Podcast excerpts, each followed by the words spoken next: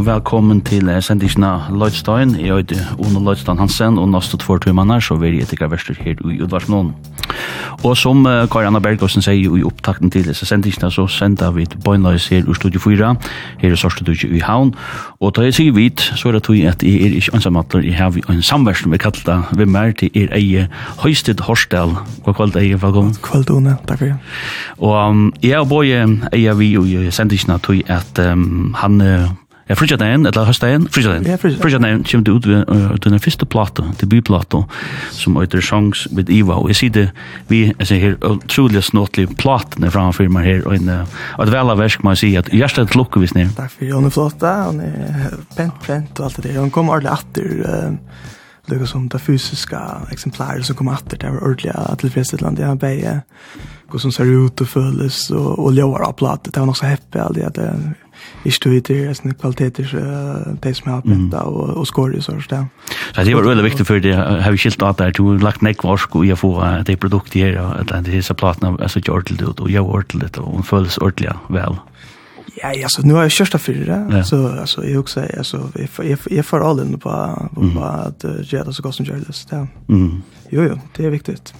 Och jag vill lucka också med börja vid det vant det kanske näck jag som sagt det lucka nämn och tänker vi sitter här och sänder live och är här och och i studio fyra och så så du ju och visst det här var en bo ett ett annat till till locken här så är det välkomna att skriva in SMS skipan och Jacobs med 2400 vi sitter lucka van så kom ju in och det här var några och några hälsan till eller, og et eller annet som tid knytter sammen vi, vi hånden og hans tøvnlager, så er det velkommen at sende inn. Et eller annet til døgn, ganske? Ja, det er fast. Du er det mest interessant til. Jeg sitter her og går i og lukker av. Jeg lukker også med å huske enn den byrja vi, til at jeg råkte fyrir nekvar ute, og det er kanskje sinne sånn, hvor er eie høystid horsdel, altså hvis du skal bare sånn halvstått, altså fortell jeg sinne hvordan det blir til at du sitter her via når, når platen, Jo, alltså jag jag vet ju så någon tal ut för så där skiljer vi att spyr. Så det är um, min första helt där utgåva och vi häst så blir jag att geva stärkle ut ärvis i plattan. Alltså det är 16 lö, ja.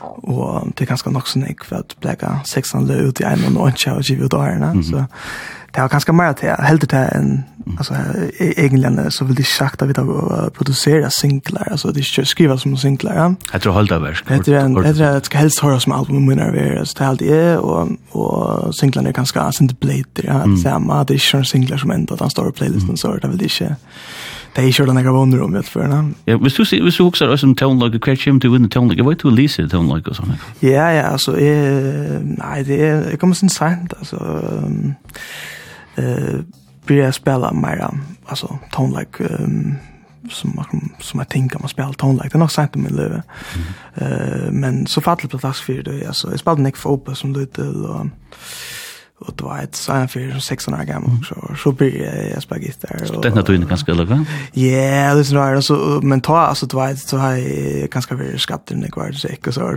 då så så ända vi spela gitarr och från första flöjt ja så mm -hmm så sa jag att det var fyra timmar med gitarren och det faktiskt eisen i att komponera då sen jag finner på alla och så.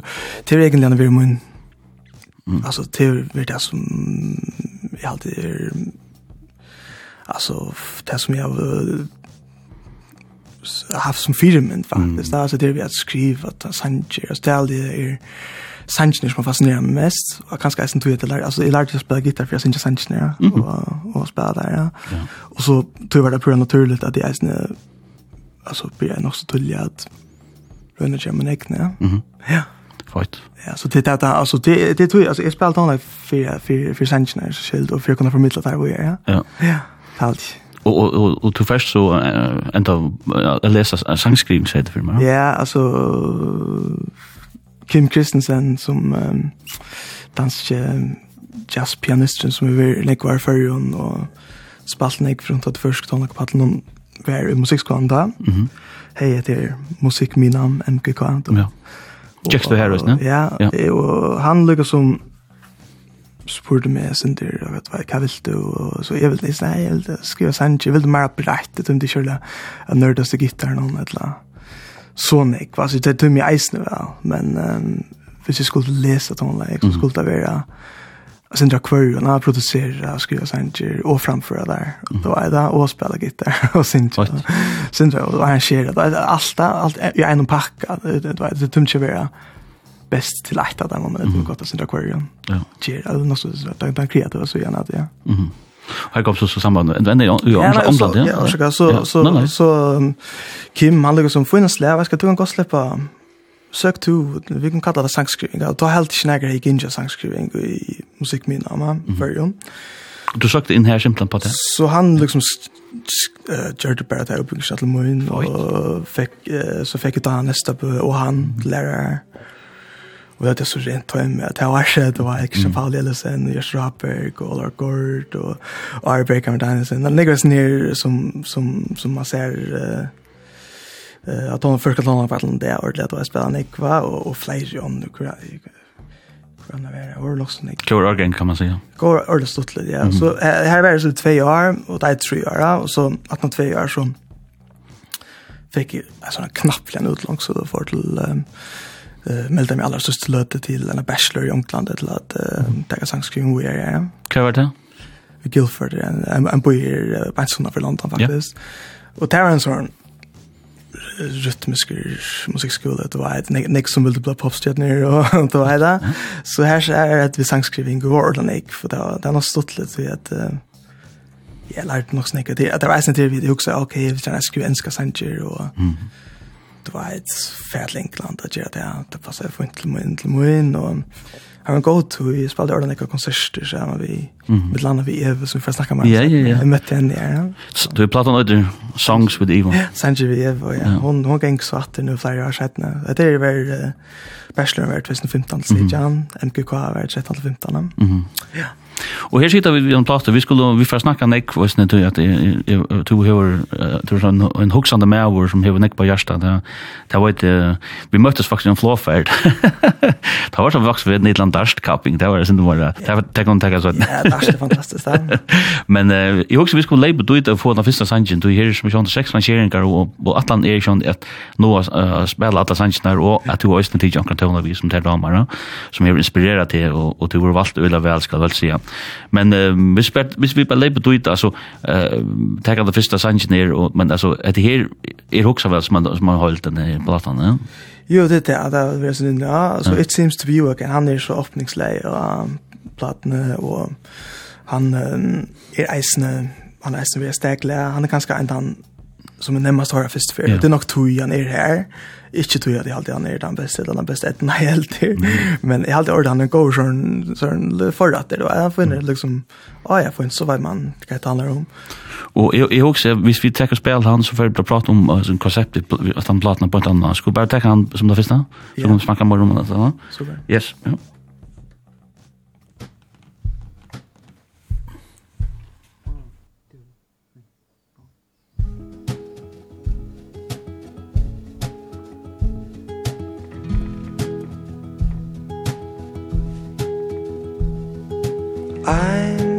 as mad as you show That you are on my mind. In fact, I've become accustomed to be Surrounded by your beige walls. I've hung up posters now And thumbtacked memories to you. fight your nature. I suppose that is all right. I'll move out soon.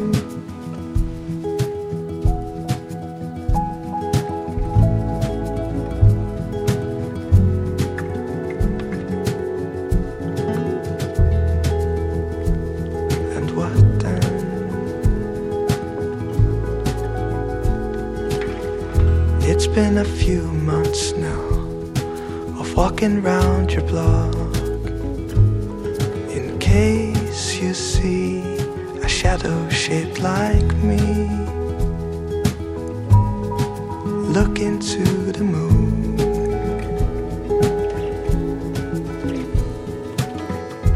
And it kills me to say I want to see those space walls And be at your place Surrounded by the posters And the contact lists I made. Of reasons I should leave you And all the reasons I should stay. I guess that is okay.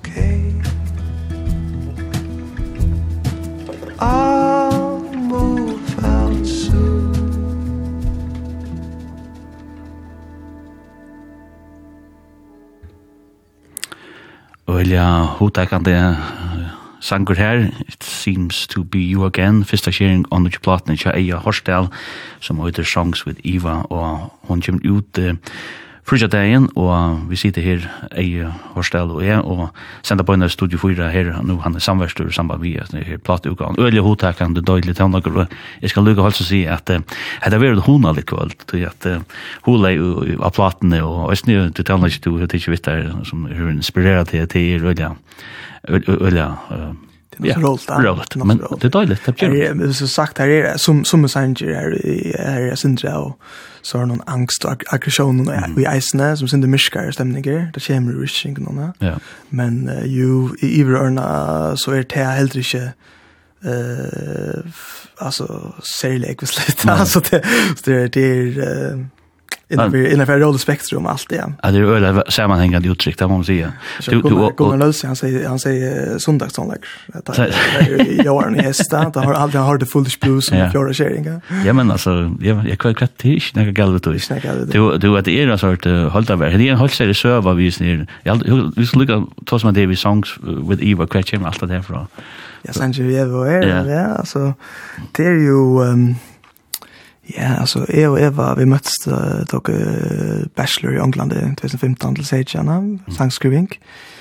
Og ja, hun er en løvlig, uh, løvlig ung, ung dame, hun er kreativ, du vet, og hun er en av personen som som uh, kjenner ødel och møter ødel og uh, blir beste vinner fremmed folk og vi spalte et åtale av konsert, sammen, så vi får komme nekker rundt så skulle jeg si en skjermann, sunk sammen, du vet, og Ja, og så flere år siden, altså, det er som sagt 2015 til 16, mm.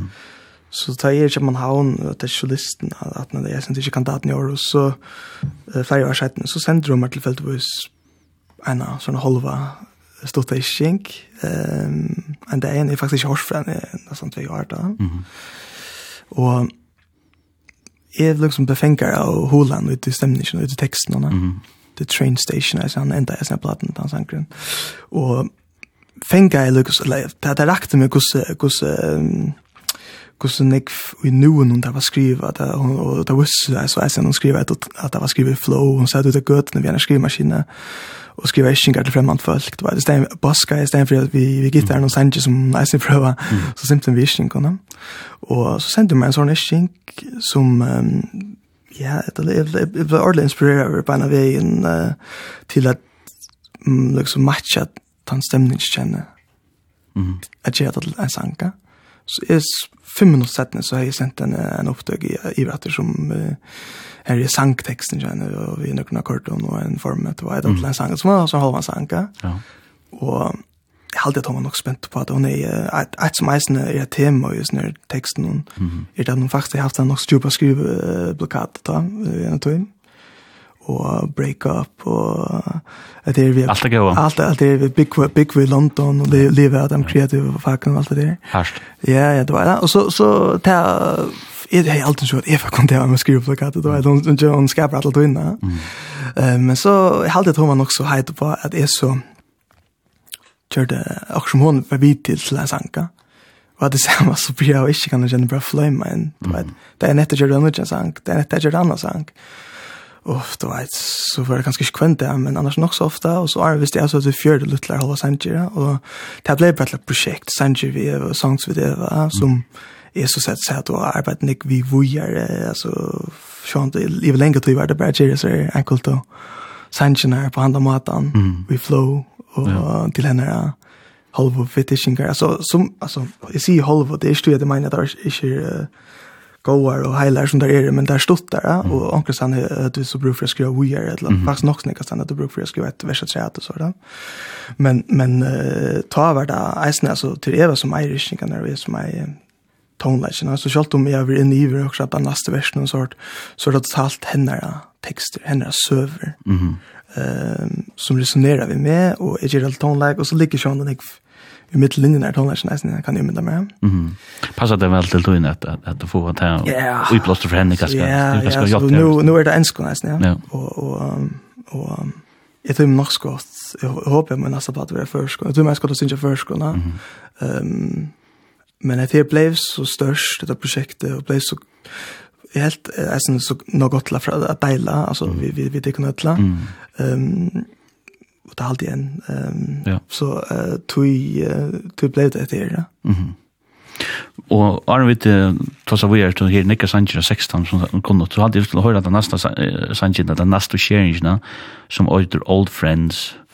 Og er det her som den rettsfylgen som Sanchin kom, er det en, er det en tanke vi tog i, eller hvordan er det også? Ja, altså det er jo, altså det er, um, um, alltså jag har provat alla kombinationer tills för några födelsedagar och så där. Ja, till att det är inte alls lika lätt. Nej, jag hade det heter födelsedag nu och jag har haft det med också lunch nu. Mm. Postproduktionen är inte sälja shot, tar man ju hjälp plattor och det så här går stund till mixa master art lite sort. Det är ganska vi vi såg den floppa samma där var det var för sommaren. Juni, ja. Juni, ja. Då var det akkurat till till till till eh uh, som skär ner till vinyl alltså mm. skär master edition som så vill kopiera över och pressa över och allt det och det tycker jag att det är nästan så. Ja. Vi skal prøve å høre denne her som heter Old Friends det er neste sharing av noe show platta eller kommende platen i Tja cha i Horstel hon kommer ut første dagen ehm och heter det av vers ska jag si, ja, du är ja vi tenker at det er brent av 200 rundt, ok, jeg har nummer 16 her, så her kommer Old Friends. It's the kind of night Where I keep mistaking The leaves on the trees For stars. And the moon Is covering his bashful smile From our petal-filled compliments. They make him pull the sky Like a quilted duvet Over the left side Of his face. So I think of you old friends. We are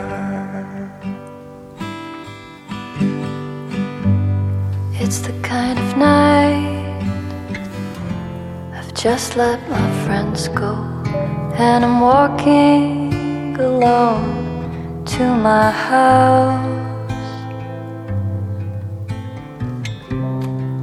And suddenly I'm so awfully aware of myself. And there's only blue taste the night. There's echoes in the space Between the concrete Moving through my ears. I feel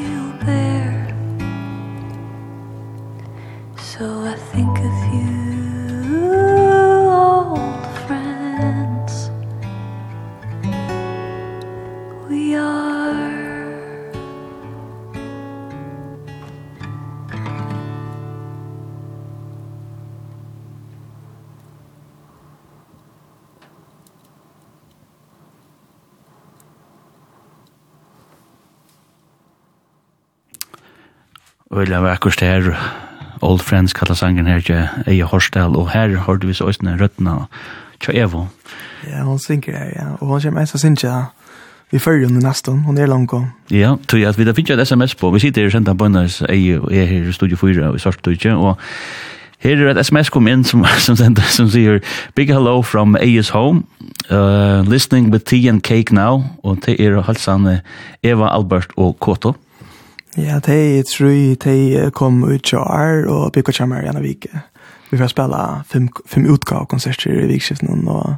Det er spennende, det samme vi platan kommer ut. Når, når blir du, hver konsert spilte vi på det? Ja, det kan på det på plass. Altså, høstkveld, det tar er vidt gestur i open mic. Mm -hmm. Og jeg kan så lukke helst å si at det er at Christian Paul Ellefsen og Arne Ludvig er eisende vi i Balsjøen. At jeg at Evo og Albert som bygger seg mer nå, og Kåta som er forlova jeg til Albert där hon vi og vi kör. Um, så vi spiller høstkveld til open mic uh, som gester til att 8, det er sin stitch konsert där. det er store du konserten där vi så om vi skiftar där vi har vi Tja Elin Heinesen för kväll står konsert. Her er bare fem eller fyra billetter etter, så där ska man... Det ska man kjøpe på band, det yes. man vil ha der. Men uh, her er Nick Flyer Plus till Learkvåldskonserten i Tøtting. Mm -hmm. Det er veldig väldigt coolt här då det kanske synter större ljum man kan få här vi vi ordentligt trumset i Ötlanda. Mm -hmm. Och ta upp Bjärske Hansen nästan konsert där samma kväll så det var dubbelkonsert. Men så har vi ett uh, tot showande till halkom 5 för att sända pass som utgår till det och konsert och vet. Mm. Det har också flera plattor fällat och som ja så ja, som är så gott för tonårsner hemma. Så det, det, är, det blir jag stått lite. Det var så utgått till det här. Det har varit utgått till det här og knurrene. Mm -hmm. Det blir ikke vel. Og så leier det settene parst og i Lissesavnen til han fyra. Så fem konserter til nok snakk, fem i Lissesavnen og, og i Totl og i Restaurant Høyskål. Det er alle åkjøps. Ja. Med Tøtting og i Leinsen for å lære kvalitet. Det er sin langere, og det er kostet eisen en gang mye. Ja. Hva finner man til i Leinsen? Løyde man Facebook? Jo, altså, ødel her var Facebook-tiltak, og man kan kjøpe billetter og Billett, ja. Ja, ja, jag kan komma med och og Jag vet ikke om hon brukar danska billett och på de eller så. Man blir kunna finna det på Facebook. Ja, ja, och så kör inte alltså elveplattorna där vi ehm där vi är sen vi till konserterna. Man kan också säga en av ta til dem, men där är det sen till söl och långt nu och hemma så inte till dem. Ja. Och här är prenta jag eller hva se man tryckt där kan se man. Ja, ja. Pränta jag. Prenta jag. prenta jag 200. 200 inte. Ja. Det är det. Det är det. Ja, ja, der, der er jo, der er supergøske, og jeg helt av sin stått til å gjøre gör der uh, en kvalitet og sen færre helt enn han ikke var ja exklusivt ting kanske? Ja altså det var det er helt det skick som man ser som ikke var og så er det sånn råd at jeg har brukt några penger på komsle alltså jag vet inte så jeg jag gjorde när så gjør gjorde på för oss där something där blir nästan man kan strømme der. ja og altså ikke bare er gøss i platne och hushandeln men han er är alltså 100 otroliga worker. Du finner jo en spennende uh, lista kunna gjøre Uh, ja, Miriam Jørgensen, ja. och han han har mamma Sean den ena hon hon är just uh, fralikan uh, visuellan samleika som så där där kallar. Ja. Alltså eh ja, och det är sen stor till server under någon där. Alltså hon vi bor eh kursen uppe på Sofie Gärnon. Mhm. Och hon uh, gjorde såna plakater till Sofie Gärnon och så och hon hade hon hade hon gänkir eller checka konstakademin i Köpenhamn. Mm eh föringar alltså Miriam Jöksen mm. och och och hon ger såna ger såna alltså så jag jag jag huxar långt ta Arden att att hon heter rätta stämningen alltså till musiken som är att vi mer ta ta var djupt in i projekten va ta be henne komma och spurte mer om vi på det och ta hon så värt här och hinna grafunt vi och någon sort skilte stämningen sen det eller skiltan väl så bjöd jag en simpelt vis ut det då att vi den spalt det vi bo det var et uh, första dök nu i en bøndager i, i Sorkälande landet någon. Och hon kom uh, simpelthen om han bo en tvärt i här och teckna i här. Och liksom ja, kanske fänga i hula i tjock och og, och, sette sedan simpelthen här og skafte samstund som vi skafte albumet. Eh så tal jag hade det på en måte tog jag att hon att det bara spotta an känner alltså med landa. Jag stod hon det är så dålig som hon är. Det är dåligt att att uh, sitta sammen med unga folk som har att du du du huxar det här väl i jocken och det det förnämmas då att lön alltså det här alltså alltså att alltså att som du säger få henne vi såna det ger ger på något eka så ja Det är det väl också. Ja, men men men hvis så sash permen, ja, ja, så är det ju vitla blommor, ja, alltså okrut nästan. Ja. Och faktiskt så var uh, att det gläser vi akkurat när blommorna stod, stod på den där i studion. Mhm. Mm jag vet inte om hon själv är samlet där eller Eva i ett lag, Jean Champagne i Kurveit. Men... alla Uh, Alle elsker Champagne. Champagne, ikke Champagne. men hey, han älskar han älskar Uh, det är det Men, men där står jeg, och här är en mynt av dem standard där och så, um, du vet, det er vi, jag vet inte om jag fängat fängat det långt att han sen men det är vi, um, eh att leta, um, alltså altså, at ikke kan ikke Eva sen sent, Chamer, är skriver i flow i en sån mm -hmm. eh spontan men nästan eh, alltså i nu någon aktigt där och och att och och att att tåla låta där vara till och att presentera som här penta och det är inte så blommor där mm -hmm. som man tänker som man får penta dem i utanför hörna att ta ta vittla blommor eller okrutt spontant då och sätta där bort såna här penta hon lite och presentera ordla mm -hmm. ja ja. Fantastiskt gott tänka men alla kan själv själv på Jeg husker så teka den trea sannsyn nøysen, og til den som heter Over, så? Ja, og jeg vet ikke om den nasta kjeringen, Old Friends. Ja. Og en sin trea kjeringen Over, så? Den jeg kjenner tar titlene atter. Ja, fortell. Ja, den nasta sannsyn i okkar playlist er, ta komma ut inn okkar av inspirationen som är referensen och ganska ehm och här Paul Simon som är ganska en av de allra största firmorna som sångskrivare och ja och now så vad det framför sig när på ehm och kanske det albumet jag lustar mest att vi har någon vi ska lusta efter öllom nej er bookends, mm. bookends vi samle Garfunkel. Og her er bæg en sang som heter Overs, og en som heter Old Friends. Og der skal vi ta i rettene mm. okkara old friends over som kommer nå. Yes. Yes, kommer jo.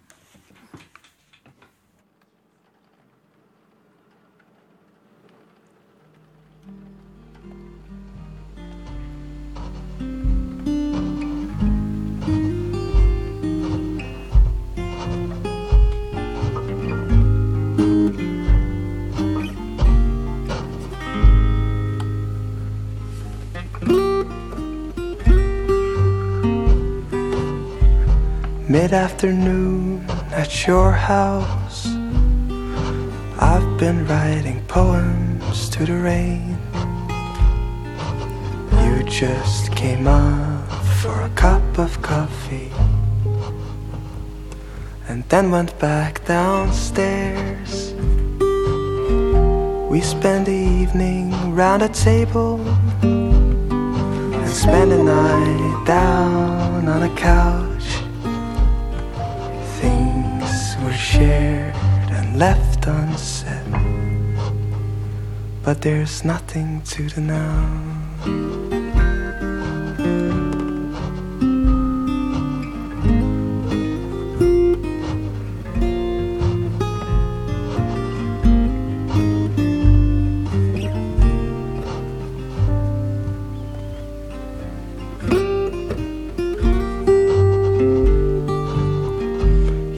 to work in a hurry. Put your socks on sitting on the bed. Pack your bag, take your coat from the chair. The onset's still downstairs.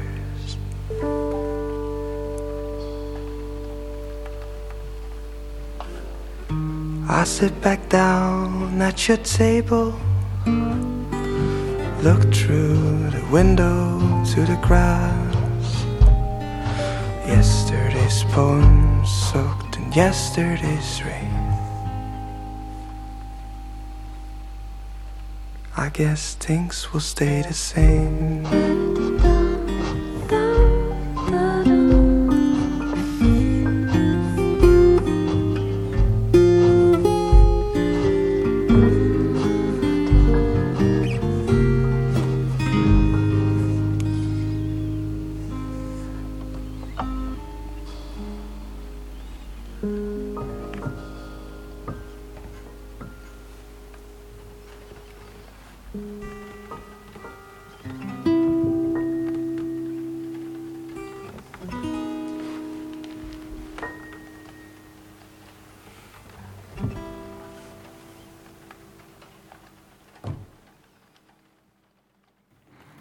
Jeg har da sangren Over, som er tre kjering av kommande platene tja Eia Horsdal, som er samverste sendisene, og han har vært utrolig vekker. Og et som er hefter med vi, da jeg lurte etter platene, og i røver i hulen, til et øysten, du bruker øyne ikke til, du leter det til ambient, eller så sier, ikke ambient, men øysten bare eh jo i rummen og och snutan för det alltså.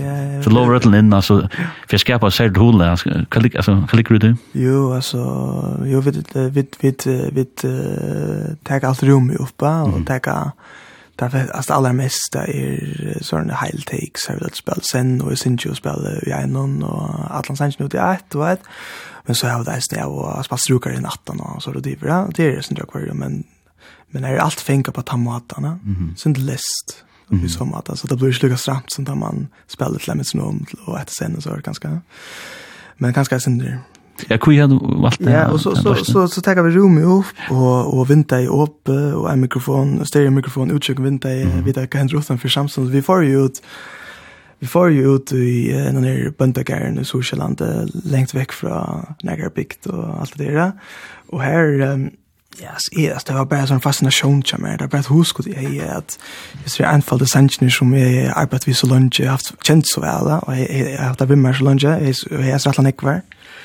Att färdlös sort her sted som jag ungade vid för og bjør noen muskler vi som inte møtt mött för onkel Lemon. Eh Og så fick vi här noll länka titlar vi tar titlar för Jupacon og fänga der. Mm eh fänga såna här lötter hem ordentligt stier.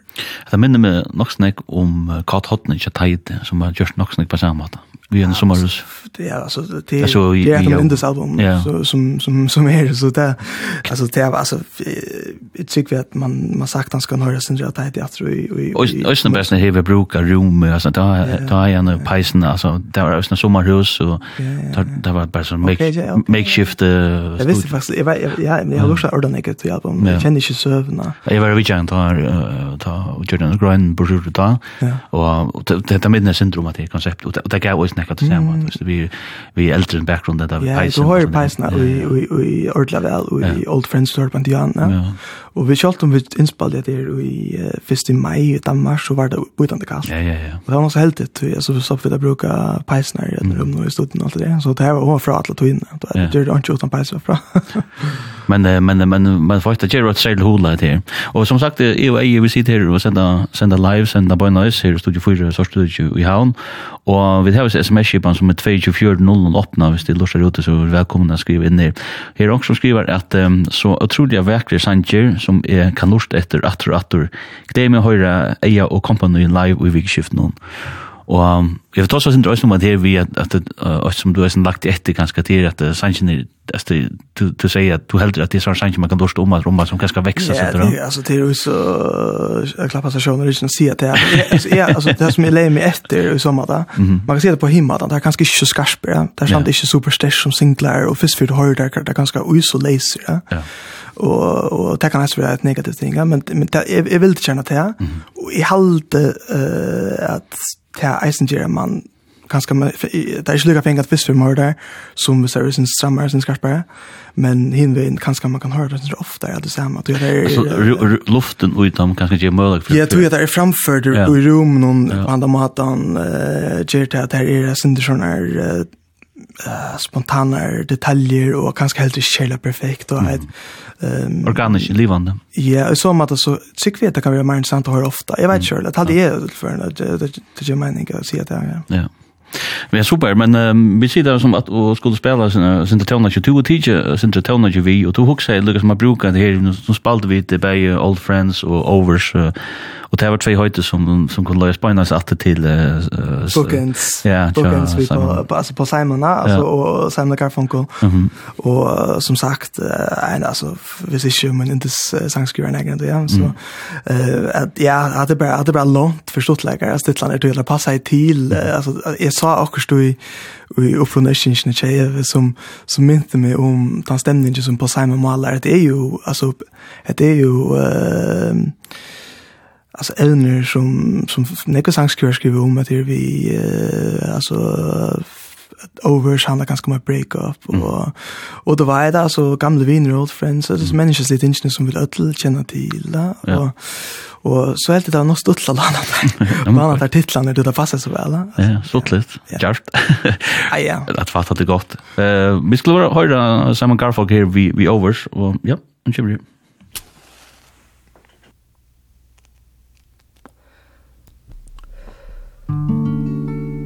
Why don't we stop fooling ourselves? The game is over, over, over. No good times, no bad times. There's no times at all, just the New York Times. Sitting on the windowsill near the flowers.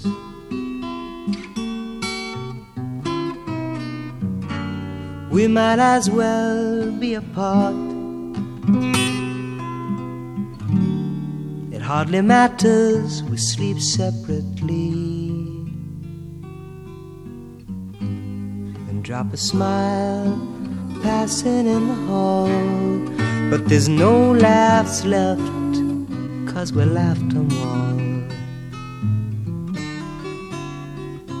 laughed them all in a very short time.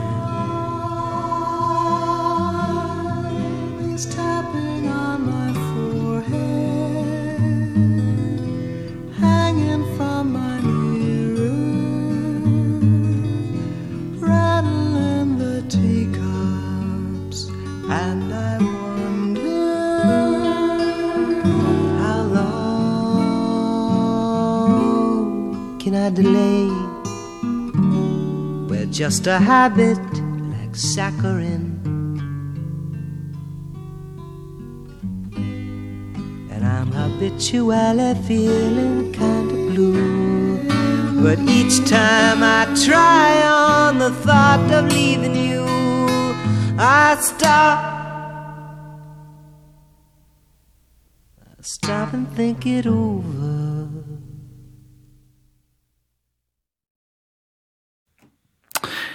Covers, her var det utgaven tja Simon and Garfunkel, en uh, sanger som i samverstur i sendingene ei og Horstel, hei tidkje vi, og i samband vi østene at um, at Simon, uh, Paul Simon er en stor firmen tja, tja, tja eia, og at det er to simpelthen jo langt, langt, ja, nei, nei, langt, altså et lett inspirere av sangøyden, jeg hadde nok så frukst å gjøre på den måten. Altså akkurat det på er overs cha uh, minner plate, og och han snær original Mm. på Simon. Timen er faktisk nok snær noen annen och i stämningen jeg synes du kan sving, svinga gitaren her og akkorden och och og, og och så sånn vers, kan det handla om. Ja, hålla deg i Østene, vi i Østene vi bruker alt. Det er forhold som ikke livet enn, man vet att det är fyrir av livet. Og maten til presenterer på at det ikke opp sånn, Ja, ja, ja. vi sitter og sender live, jeg og SMS-kipan tjokken 2400 åpen, sendte endelig en SMS på inn uh, vi omkron og en halvsend leie et eller omkron håla en konkrete vilja. Og hun skriver her at uh, så ser jeg vøker lø og døydet prat. Gleder meg til konserten og vikskiften, men her er här du ska se att det är konserter nära. Du får spela. Ja, men det kanske vi kommer att köpa en. Ja, ja. Det är så nog. Ja, ja. Men du får spela höstkväll där i Rosarino. Ja, og tvær konserter fyrst det. Til er og fyrst den er da tot halv fem og klokka nutje i Stockholm så skjer Hansen. Ja. Og så leier det sætna parst til han fyra Elisa Sandon, Elisa Sandon førja i han. Og så så i tøtting leier kvöld, så enda vi da. Ja fantastiskt. Det är så rent. Det är spännande vi skiftar each other. Och som vi att kunna kunna liksom prestera till för folk. Ja, ja, hela alltså allt band vi ja. och allt det var det så till det. Ja. To ehm vi vi pratar om att vi vi vi är sån här och i blåsen du hej och vi du också er spelar Lucas som old friends och snitcha Simon Garfunkel. Men nu hörde vi nu hörde vi uh, over så. Mm. Eh och vi det ena vi det ena bookends album någon så Simon Garfunkel. Mhm. Och ehm och old friends och bookends som kommer nu tar skolhörs jag en annan. Där där där alltså bookends ödesdotter ja. Mm. Och skulle jag verkligen alltså och det minner mig om Alltså då nu har vi akkurat varit i Danmark och det är solisterna som man har ont av det och För du säger solisten, kan du också dem ta? Ja, ja, alltså jag, jag tycker, vi snackar om det, Elise Sandra och sangskrivning och konsertorien och sånt där. Ja. Och så MGK i Färjön, och så Bachelor i Ånglande, och kandidat i Aarhus. Mm -hmm. Och så solist i Köpenhamn, till rytmekonsert RMC, mm. -hmm. heter, och till två år att säga att här man här man lyckas som släpper för djupa sig en storm projekt, projekt en sorts projekt. Ja. Ehm no, men det som jag skulle säga är att alltså ofta alltså är jag inte det vet inte det passar för ödla men jag har inte huxat att han dans dan, danska tonlika scenen mm. som med alltså Harry Altfurn är run hit till Carpasi inte väl. Här har inte huxat att att det simpelt det ska vara cool och ha kanta. Alltså det ska vara heldur til enn anna, det er ordentlig viktigt uh, at det danska tonika paddelen hev jeg hugsa, den går for at det er ikke feil, og så har jeg ångtig følt at det ikke passer inn i ja. Men ta elsker jeg at jeg ikke på Simon Simons er som er sånn, at det er ikke alltid, ja, men altså, da man hører seg Simons Politja på Simon, er det velkommen, det er bare vekkert, og det er melankolst, og det er til nokka, altså, du vet, hvis det er så godt som alt er sånn, ja. Um, du vet, og det er, um, ja, Det ska det ska lägga det i slipstream i Tahiti. Han är annars väldigt populär i Danmark. Och han är han har så här är det publikum till. Själva det där. Det du vet det är det mer sån sån sån sidan. Men det passar nog helt rätt det som säger. Ja, är också du du det går det passar. Men det passar det jag första. Ja, 100%. Nej, det är det det är som intressant vis när det är känta och jag vet andra känta isna. Um Lucas som att akkurat sälja alltså i England passar det bättre än så det som sanka förskona till det superfajta. Men i Danmark som att det är akkurat det skulle være mer cool og mer edge och vad altså det er helt helt i ja du lyser det rätt ja. Men det skulle skulle prova höra Ja, I love her old friends of bookends Simon and Garfunkel. Ja.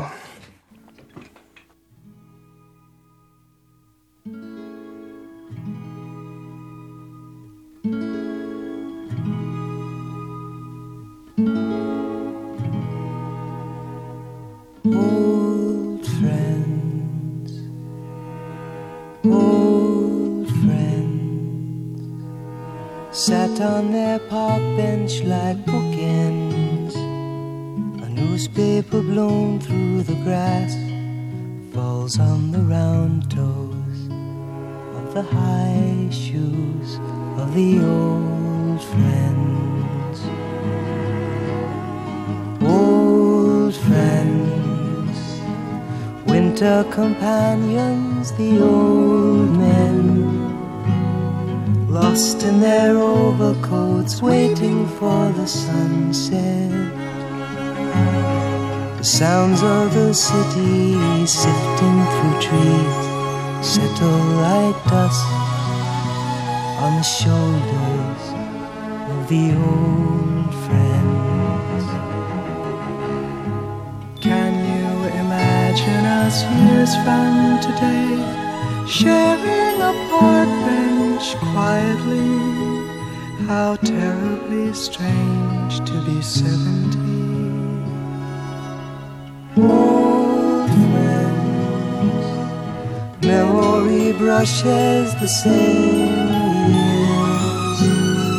Silently sharing the same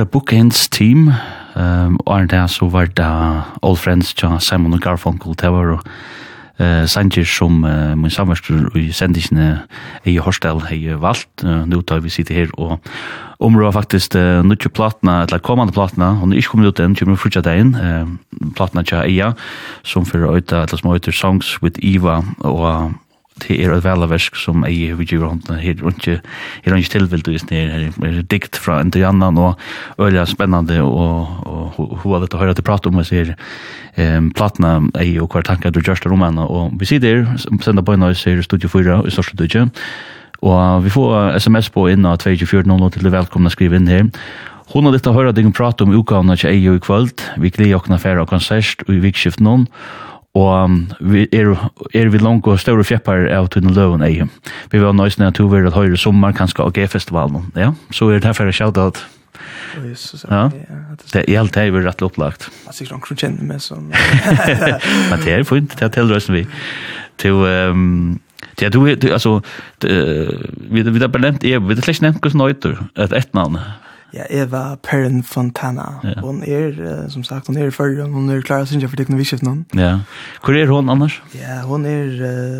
Jag vill snacka syndrom henne för Jan, ja. ja.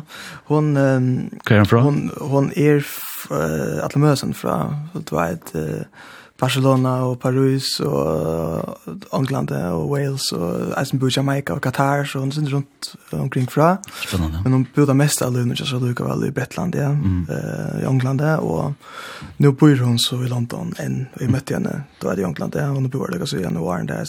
Ja. Och Och hon är eh, kreativ. Hon gör musik, eh, nek musik, skriver sanger, spelar bass, synker och producerar allt det där men hon har resten ser så ett litterära ja hon läser nek och skriver nek hon är skrivmaskina vi nu helt eh var Ryanair til København og Atlantic til Førjar, og så har hun tidligere en kjempestor skrivemaskin vi i stedet for å jeg heit klær, det var et alle Førjar. ja. og det, det sier jeg ikke som, og hun begynner på en morgen, vi har skrivet, og skriver bare. Og skrivemaskinen, og hun brukar henne til at, var vet, så til, til henne er metoda, og hun slipper ikke at sletta och så är det det taktila vitt och jag snä så Då ser du att spekla så sitter åter i cover och ja. Ja, och i sanken och i sangskrivningen och jag snä de fysiska exemplaren att se vi ja. Här är som tastfiler och också ting som eh jag hoppar vid att eh alltså med pasta skärmen ja som alltid ganska irriterande att det tas fel i men alltså Hade det? Hade koncept. Hade koncept, ja. ja. Och troligt att hon tar just det att man att hon tar en skrivmaskin i alla vägen. Ja, hon och ja, Eva Perrin Fontana alltså mm. hon är social media och hon ger sin jobb åt land och det så eh ja, hon hon är absolut värd att uh, höra sin jaisen. Du og först för det är här falschen som spelar spelar som vi eller. Ja, först för det är för ja. Alltså Eva är där och Albert Cash, som er en polsk uh, tromspelare och musikproducer uh, adjacent Aquarium, jazz background. Mm -hmm. Han er eisne gynja rytmikons København, du vet, mm -hmm. uh, faktisk er med, men han bor så i København, ta. Og, og jeg fikk han vimmaldan. Jeg vil gjerne uh, bjør anker folk vi som ikke møtt for det, og han, han som er kanskje... Uh, fann best ut av det vi, vi svinga så vel, du vet. Mm -hmm. Og han er vi vi vimmer, jeg alle på postproduksjon, og da vet han mix og mastra, og klippt og rodde opp, for du vet, jeg har rodde opp at når man teker opp i fyrstjentere studiet, du vet, at man har satt i døgndrift, og jeg tror ikke vi ikke rodde opp, bare vi bare, du vet, i alle opptøgnene. Mm. Hva sier du om det? Ja, så ja, så tek kommer her til at det er, det er sånn egentlig veksende sånn, det er, så tek, det er, det er akkurat haft så flott vi. Det er fantastisk. Ja, men hade kanske att det blir häftigt att det är skift nu. Jag hoppas det. Ja. Du vi ska spela såna några sanger, alla nu alla sanger. Ja, det är bara till floor shit. Ja, det tas mer. Och ja, Foolish Blue. Foolish Blue. Jag vet ska nu har vi utgivit några stackle och då vet vi snackar såna Vi snackar om ja ja, streaming där streaming ja. Och vi snackar om att det vi att det är ganska skällt att Wars och producerar som stackle, men faktiskt det är. Han har kapierat för streams nu. Sen stått lite att det är han är en först tusen i Youtube och, så, nej. och, och, han får 500 om dagen Spotify på nu och hinner jag alltså alltså nek mer än tusen då är det. Så 500 om dagen också nek visst fortsätter det ehm och det är på algoritmer som har lärt sig placera han. Alltså han är väl sort syndre av runt low och det är foolish blue då är det så tjust så tjust statistiskt och det nog så nek som kører det är en set playlist och moody och allt det där alla det? Vad där och det är simpelt algoritmer som har lärt att placera den och följer tagga så han så till så här som alltså visst nu du lustar efter en kron tonlage streaming ja. och det blir liot så syr algoritmen hej är också du har hört för som mindre om detta ja. Tansanken akkurat nu er placerad. över. Så vi kan se att vi skulle höra första hittet jag där. Ja, hit och hit. Jo, jo. Det måste jag förstå. Ja, Ja, Foolish Blue, vilket är i Horsen.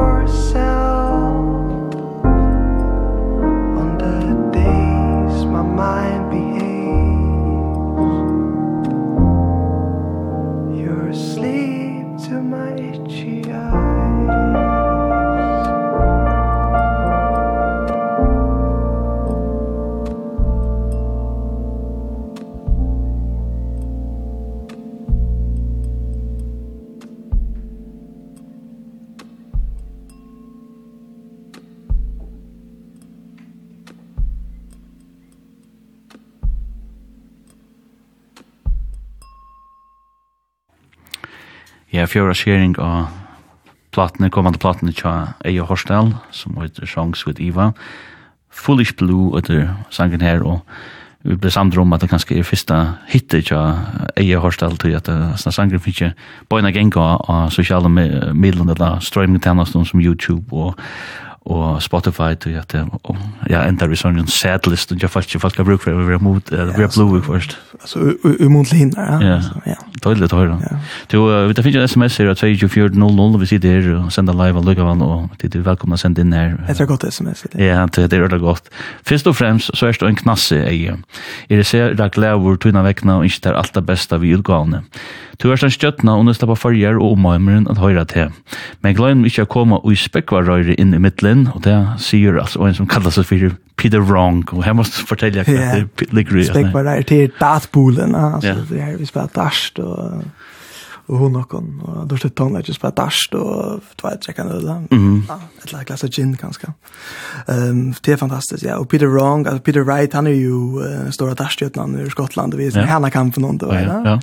Och vi kommer så sända ett sms i en han trappar upp till några ordentlig jola dasht kaffing vi Hallakamp.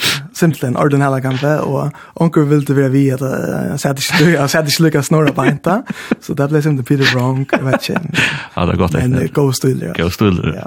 Du du dasht alltså nu är du viskar du du sån ölja uh, huxande och djup djup unga människor men uh, där till är stämman ofta. Nej, ta ta ta han hand de att uh, släppa den dunken. Ja. Och och klockan ta det nästan ta du visst du spelar vi intuition och sån huxa så det nästan ta du klarar det kan jag alltså. Och du till färra simpelthen nästan jag mötte det där för det var vi inte köpte. Vi där vi en affär. Ja, ja, vi en affär och satt live. Men det förrätter dock nu vi. Uh, ja, jag vet inte. Alltså, det var uh, förbi dorst, alltså. det, det, det är, man följer sin snutten att någon som att ta för ölen när den är. Det var gott. Men det skulle dräcka snäckar öl. Men det får inte spela därst. Ja. Men det sa ju som öl är stått lite ur. Den här tur det får. Ja, ja, ja. Fantastiskt. Så, så, så, det är en masterskappningsvärld i Köpenhamn. Ja, det är det. Men det är ju en god spel, helt säkert. To, um, ja, vi der og och, skulle gärna komma och alla platna och, och tog in som hon flyger. Inna Sea of Women Og det er nesten. Ja. Let's go. Hør han? Mm. Kommer her.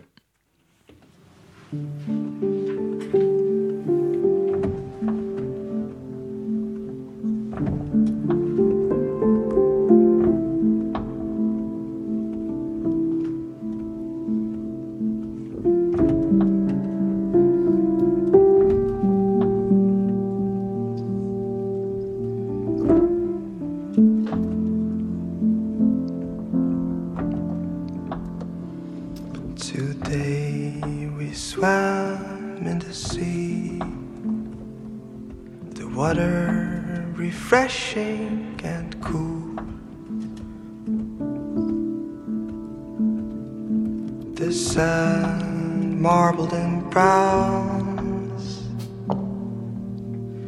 Like a pair of moth's wings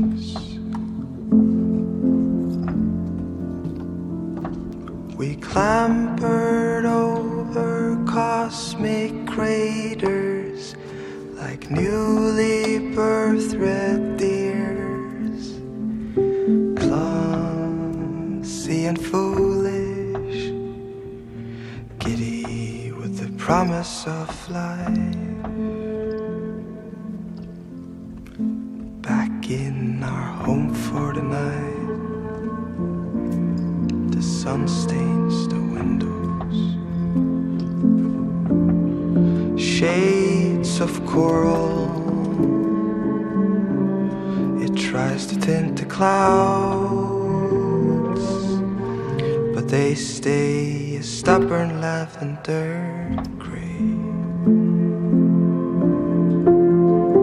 You make the nerve While I write. And from time to time I pass through the kitchen Where we talk about the small things in life.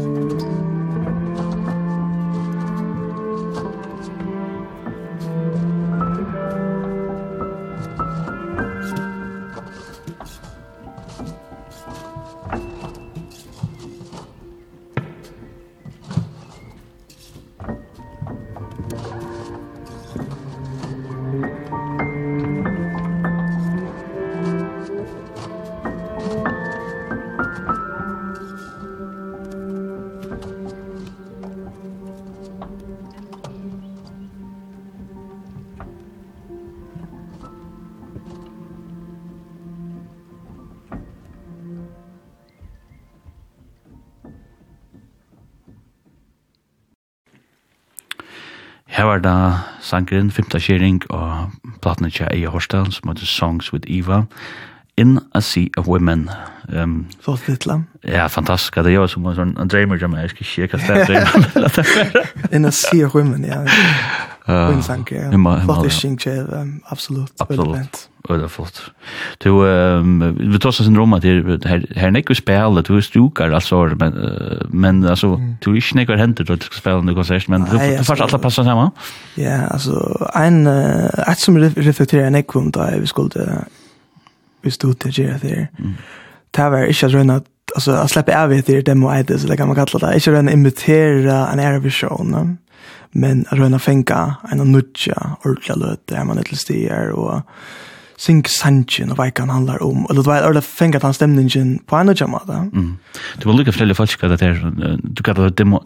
Ja, gå så ut av meg det året, men det var ikke meg. Ja, altså, demonitis eller demonitis. Det er et som, et fenomen som, alt som uh, skriva sanchen kjenner till. Alltså at man förälskar sig i upprunna versjonen, du vet da, og jeg har ikke haft uh, några upprörande versioner. Tjammernas lunch och arm vi först ut i vis nere. Mm. Det har snackat om Janne. Ja. Och så ett som är reflekteringssyndrom så har jag varit här för att okej, vad ska att det är här kicksar vi er runt en, en ändeskap där och fänga den utsen på samma måte. Mm. Flera av en och last där då och så också säger okej, vad ska jag nej, vi ska inte fänga där eh på samma måte. Jag ska inte kopiera det då. Jag ska inte etterlykna en version. Men vi ska simpelt den så ikke sannsyn av nødtjene. Och det var eisen tog det for det som jag omgav det vi for vi muskene som jeg omgav det møtt for.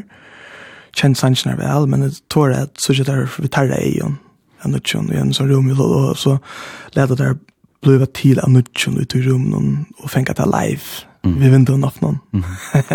det var konceptet, ja. Yeah. Um, og, og ja, du vet, det ble så til leser, leser 16 som vi, nei, faktisk 14, at, mm. at, altså, av Besuinne så er det tvær,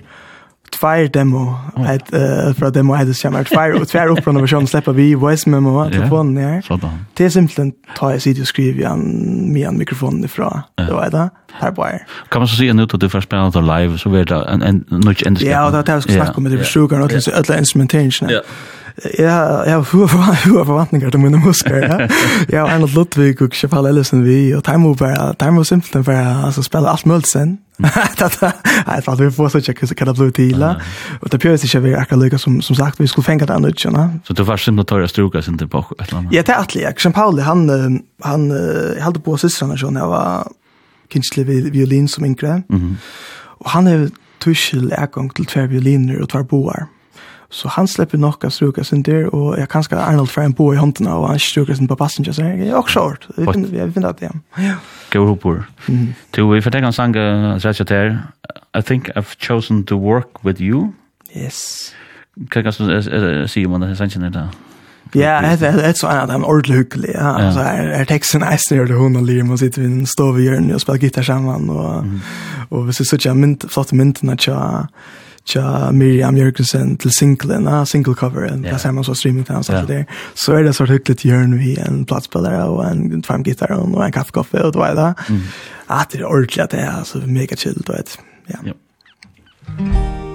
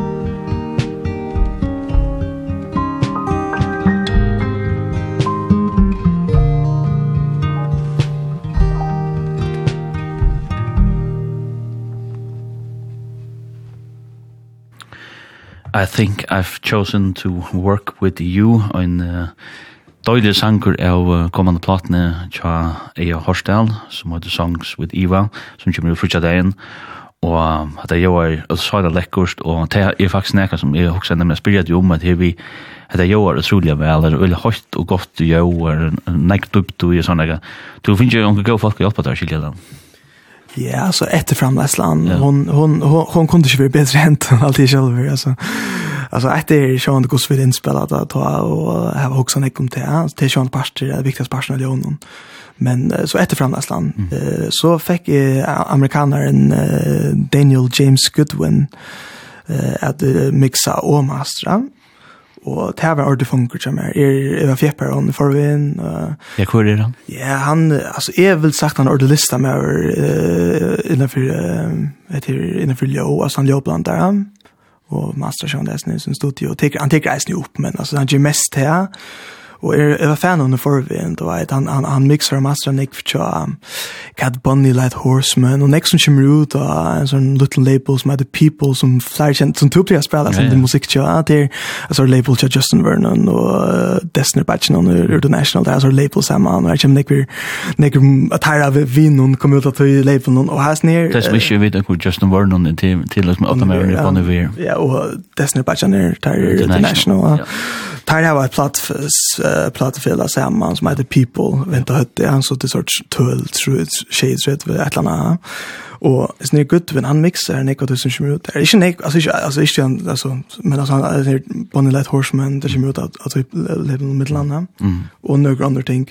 Gus either en Cassandra Jenkins og henne album med spalt det. Jo, jeg kjenner alltså navn, ja. Ett ett album känner som är rymden och som öll snackar om uh, overview of a phenomenal atlant. Ja, ja. Ja, ja, det är så flott. Det är det är han det är uppe i Jobblanda och det är det jag var nästan gott. Så jag var fan av honom och jag också okej, heter han rätt han hever til Joe, som heter skal heva at han, och i prova så sjön det sända några mejlar som han är svär på första, alltså du vet. Men så knappt att han tre mejlen sände några veckor där man har sett den så svär han.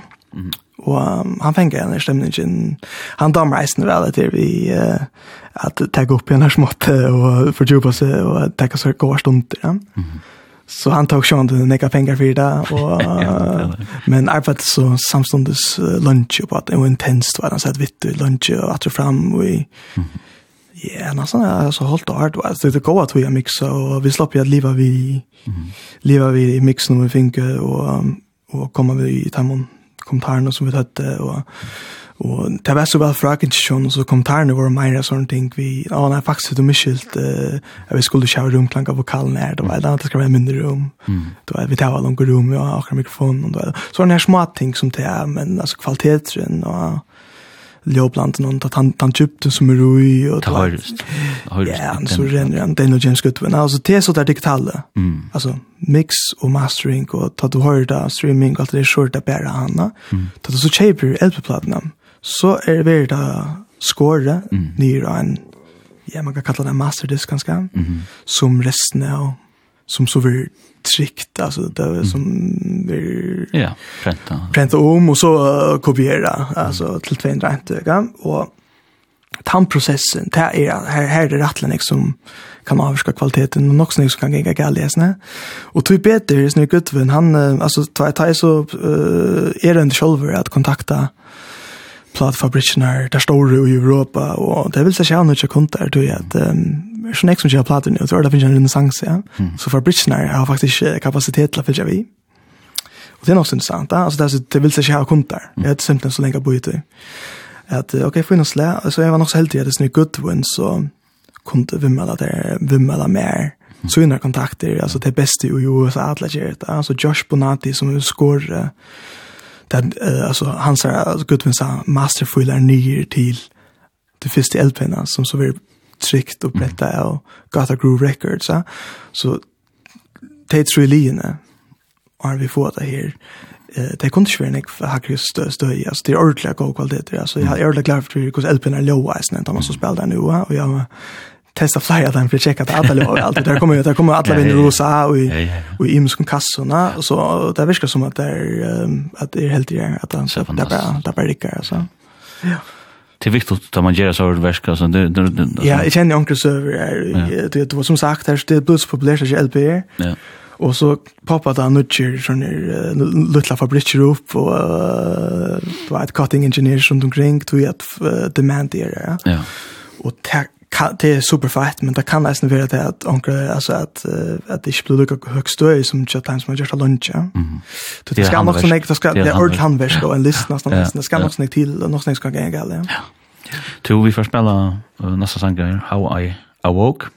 Ja. Mm.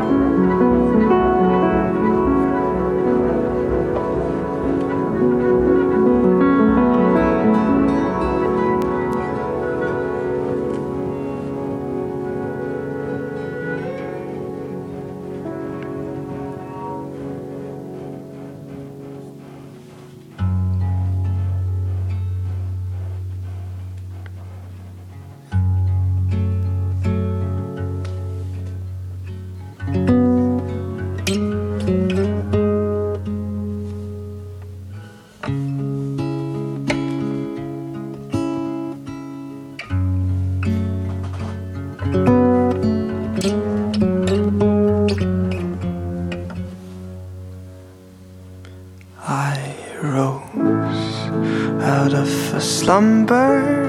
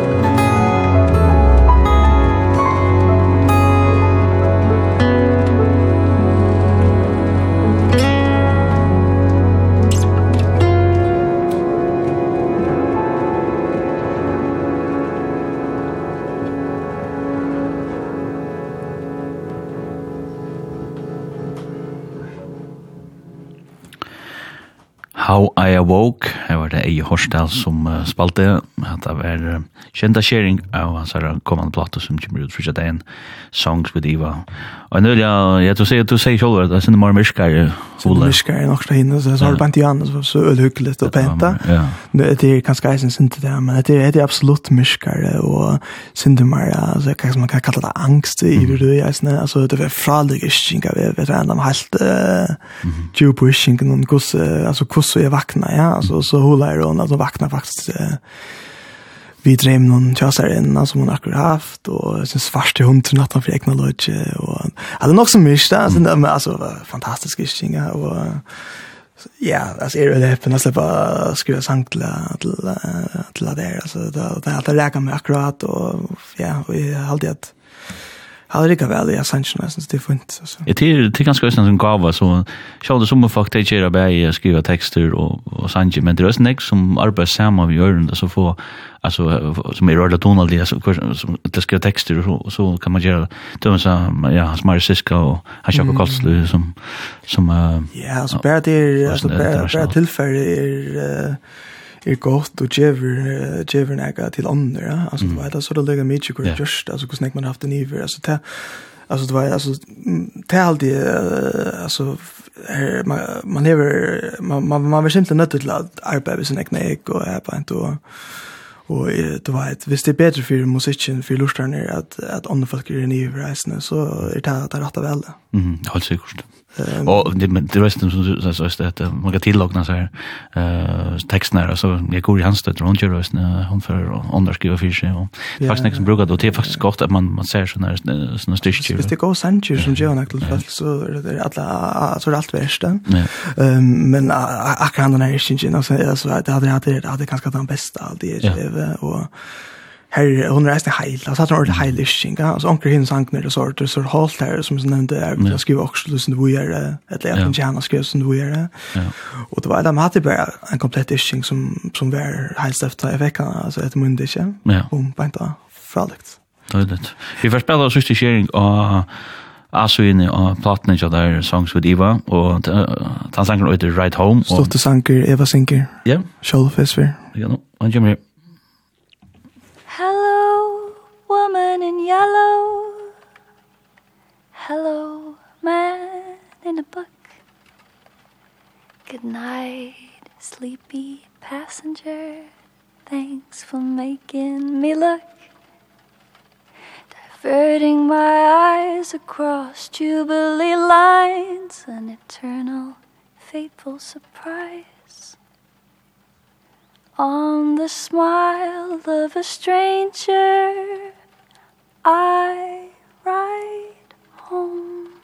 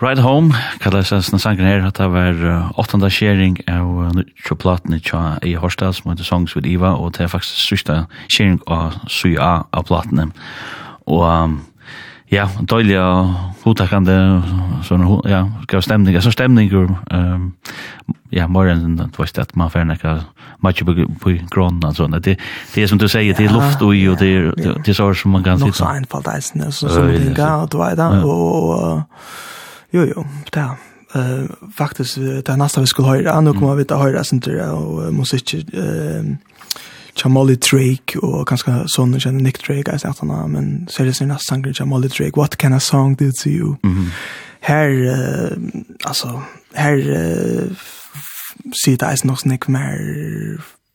Det som är ju långt det vi bare hava en uh, god melodi og en god tekst og uh, harmonikk, altså akkorder og form og, og framføre det ordentligt at det, det kan eisen være nok. Det, altså, det var, altså tjamer og, og er det det som jeg arbeider mest vi ganske mer enn det vi har få uh, noen fight grooves og beats og, og, og, og alltså du vet eh mer som tonlag som man sitter nere till och också en söndagstanlack och så där här det lusta texten och och och och och tar något så själva sån istinga what can a song do to you uh, with Molly Drake alltså det är um, det er akkurat det, ja. Mm. ja. Jeg prøvde å fortelle en søvn om Molly Drake, uh, hvor er hun? Ja, hun, altså nå nevnte Nick Drake, vi tar veist i han og en datten, og hvis vi nå, nå klokka kring kjøtt. Ja. Um, med alle Drake, hun var mamma Nick Drake, og Nick kjenner Nick Drake ut det, men um, han gjør det trutcher helt der utgaver først til fjersen som ikke kom rukk og særlig lengt i hans livet, og han døg langt som 60 år gammal, nå det ikke han har klubban här men uh, han døg, ja nemlig, ja, og han uh, han døg som 60 år gammal og i også seg antidepressiv um, så extra som tälja år. Mm. Så han är ju en sån ting at dela med ja. Men uh, mamman John hon Nej, men han han färs så stora jöken bröd halt en Volkswagen bilreklam under 2025 Pink Moon det vet vad heter sank jag Och kanske touchen någon nu alltså som har varit her han vill alls haft sin allra bästa period vid Nikolstjärna. Och är då sån eget transplatan och ja, och så knappt så blir mamma så att ducka upp då. Hon hon minne kände han och han var säkert när äldre än han så Mhm. Och det är eh Sanchez som hon sitter hemma, vi tar hemma klaver och synker där. Och Maren känner innspelder av en uh, bøylig en. Ja. Så tar jeg bare dokumentere det her, da er på tammatan, og tar jeg her, og tar jeg strømming til henne og sånn, alt det der. Mm. det jeg kanskje det aller vekkast alt det. Mm. Og, ja. og, og Molly Drake, hun finner jo en helt uh, ervis relevans for fyrir nøysen, hun er jo, altså, sanger kjenner jo i platen, ikke, hvor Horsens, Horsens, utgå, ja. Fantastisk, da, fantastisk, fantastisk plata, ikke, hvor, altså, jeg elsker platen, så rent vel oppe på bordet om vinner der. Det er en sanger som heter Appelsin. Appelsin, medicin ja. ja og under stått litt at hun er som veldig at ta Molly Drake vi inn og passande ja passande ja. Ja, ja nå hører jeg uh, what can a song do to you? Her kommer Molly Drake. Music from an open window. Music sudden and fleeting. Ordinary music in an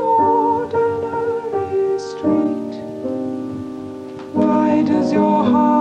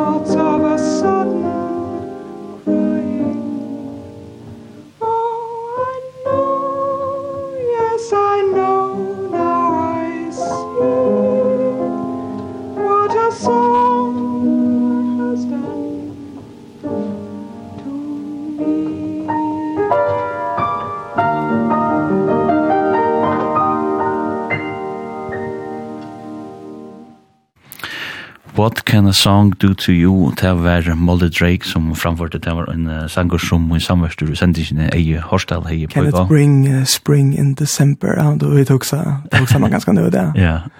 Ja, det har varit det här. De brukte sen rett ned. Men kanske kan sangren det. Ja. Og det är sanger som har vi lost each other. Det format det som tonlista. Hur skulle vi lyst til sjálf belysa til tonlag? hvis jeg skulle spille bare.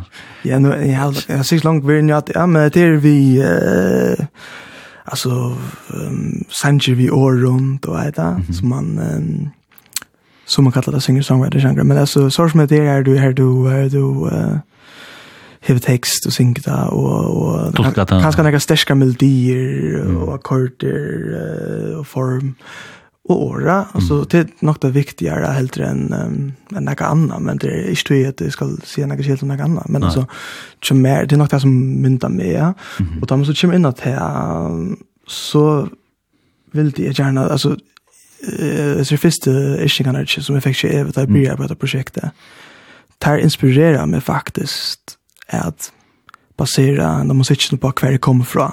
Mhm. Att höra vad det är. Just det tåra vi det är som det är eh, bära det. Alltså bära sig sanchen som är sinch på matan på min mata som gör som gör för och som Er det man nätcha. Ja, alltså och och och och och kanske inte ehm um, Gjeda, uh, altså, jeg pjøtst ikke at eh vi är sen till för någon att göra mer sofistikerad än det alltså i pets det att i Roxanton. Ja og, og, og på en måte är man er ofte ho, kanskje, uh, man er ofte, så man hvis man ikke arbeider, altså, tar man tar man jesser der og deil da, uh, så kommer eko ikke så ofte vi igjen, man huxar ofte først om kaffe andra att man huxar med det Mm. Och ta som vad den danska scenen, snacka om Johan mm. manglar man kanske sin av cool och edge och mm. Grooves och alla ser tingene som som inte fettlar meg lugna naturligt som heter det ja. Mm. Ehm um, så är liksom är er, jag har bara runt jag detta projektet. Då har jag börjat skriva och framförst och inspalt och nu tar jag om det at uh, at simpelthen at tåra leta det være det er som kom fra eisen, ja, altså mest av ötlon Mm -hmm. Ja. Det er sant. Og det er sånn her som Sanchez med til mitt land, ja, akkurat nå. Og vi skal lukke høre Nick Drake også, Riverman. Mm. Skal du høre han? Ja, sånn rundt Jamal Drake.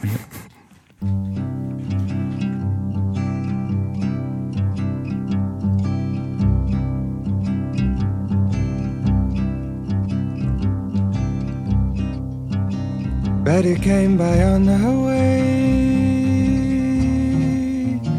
Said she had a word to say About things today. And fallen leaves. Said she hadn't heard the news. Hadn't had the time to choose. did lose But she believes. Gonna see the riverman Gonna tell him all I can About the plan.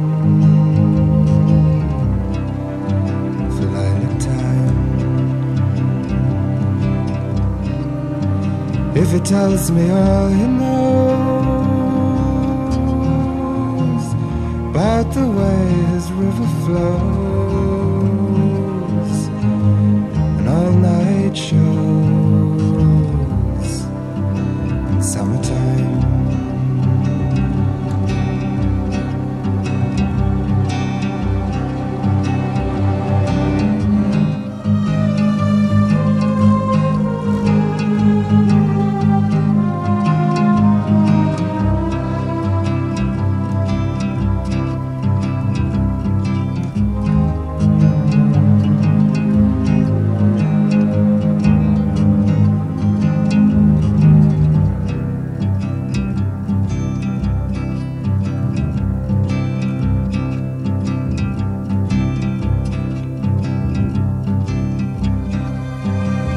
said she prayed today For the sky to blow away. Or maybe stay. She wasn't sure. For when she thought of summer rain Calling for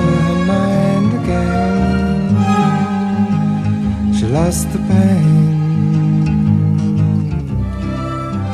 Stayed for now Gonna see the riverman Gonna tell him all I can About the pain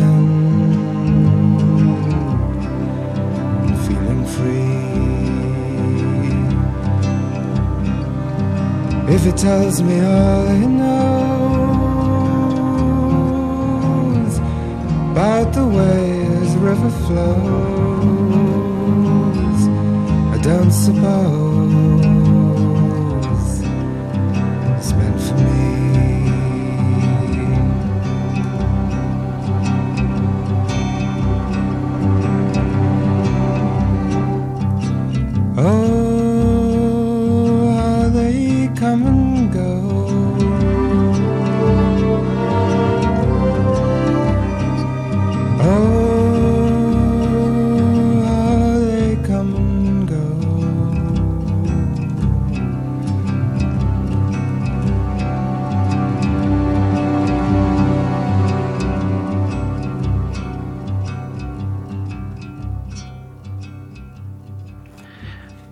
standande vekkert her, Riverman, tja Nick Drake, Sala, en sanker som var... Jeg går svara platan som hans nere finna et hånd, minst du? Ja, det er ikke den, uh, den grønne, den første. Jo. Um, five, five Leaves Left? Jo, nemlig, ja. ja. Og en, en så faktisk om en mann er en døye, han er 60 år gammal, det var en um, dosis men... Uh, Uh, tror Peter Licker sin rätt hon har fått fantastiska tallista folk. Tror Frolic för alla album som ja. som blev jag göra. Ja. Och folk är kört såna ut det kört några gånger rulla fria eller fyra kvalt. Jag gör det ja. Det tonlagen är Det är ju ett ett ett tonlager som är uh, vi har referanseplaylisten til akkurat dette album, ja. ja, ja, ja. Tog er det, altså, her, her, vi der nu. ja. Nå, nå, østen, det hadde døylig, døylig hula, men navnet med han. Og jeg skrev inn her at en frakt at høyre Lødstøyen, eia gøy, høyre Lødstøyen, eia gøy, eia og et løgne vi evo.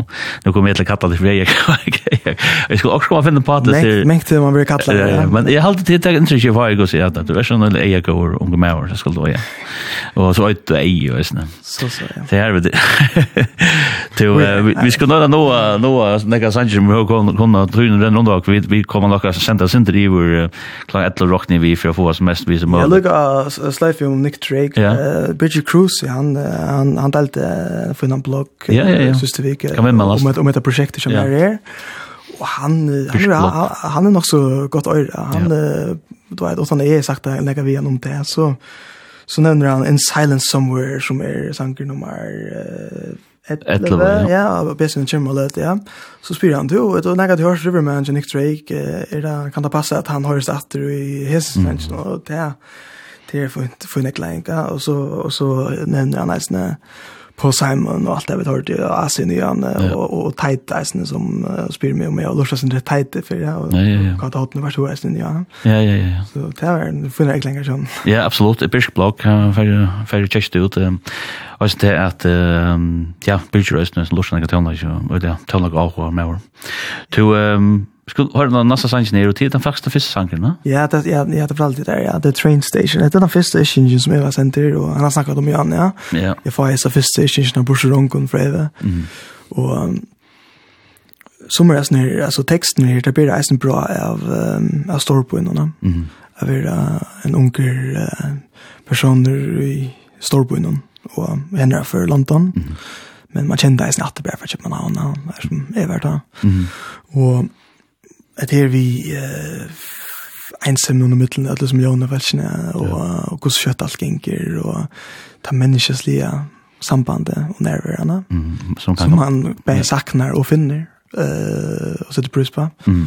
Og togstøyene, at det er in transit, altså alle, alle feriene i medsøyene, og alle togstøyene som, som man ikke kommer av at man bor i London. Mm. The train station, det er det She is a child with a woman's hands Lost in a busy train station.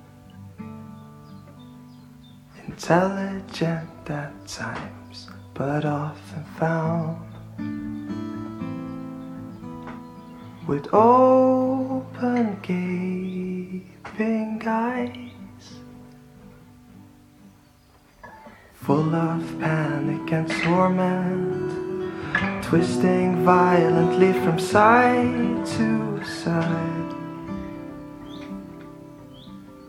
Searching for her mother Finding only stranger One more soul to drift that pace. Digging her feet in frustration. To find a pulse and bring it along. Smiles are family for now.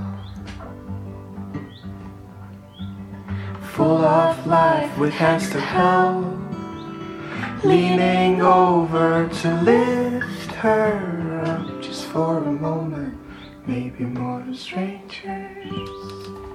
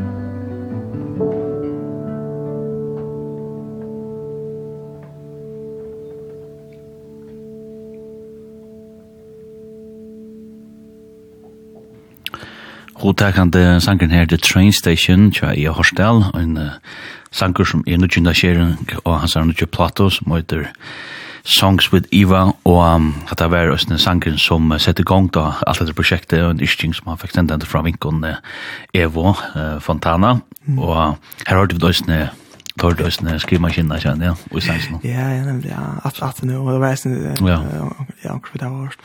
Jeg det så fyrst sanger av Lesun, ja. Ja, og tøyen flyr oss det, vi skal rønne på spalsen ikke sanger, så vi leber vi her, til nummer 20. I read books to you out loud, altså, sånn, for en titel, jeg jeg hei lise bøker for der. Mhm.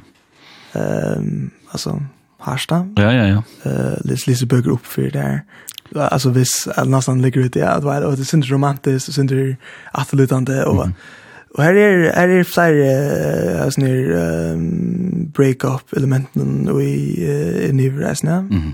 Ja. Och det som där mest mest naturskoj som skriver det. Ja, och och och och en fin ett är en fin sån för en sån sån här sjanker alltid. Ja. Ja. Klart.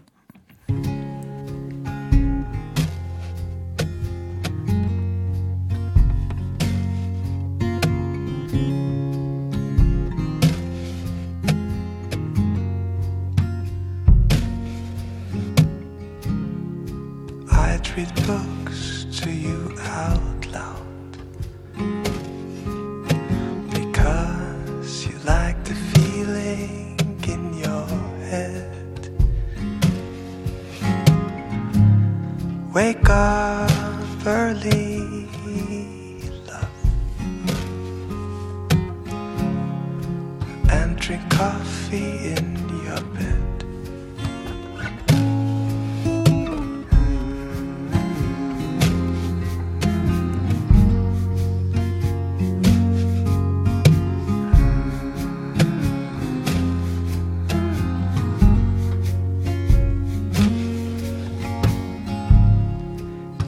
go make your waffles. And the tricks with the toaster. I gave you my CD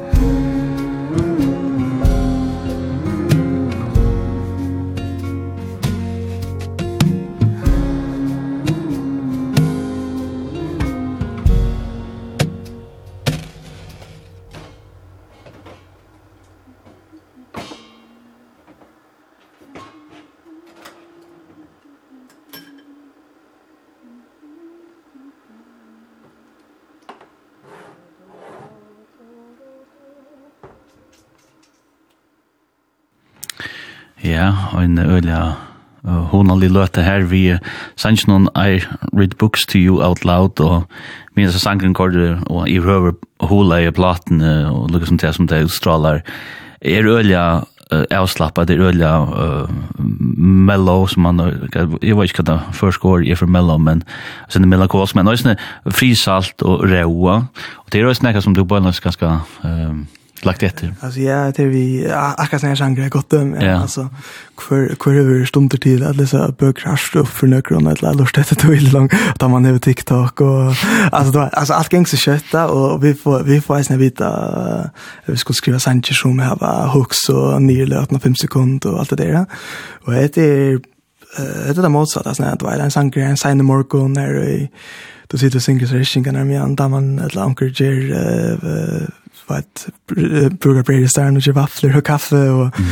läser här stå upp för kunna alltså det är det stilla löv ja som mm. sen det måste svärd till det tjata löv som lägger fänga ju ja Simpelthen, en en en sån att at det krever oss at at du du først försnir för för för för hög norrstätt just. Ja, ja, ja, ja, alltså va och och och visst man så häver en heter gamla tole eh platespelaren så det det kanske är tøy att det är en sån så.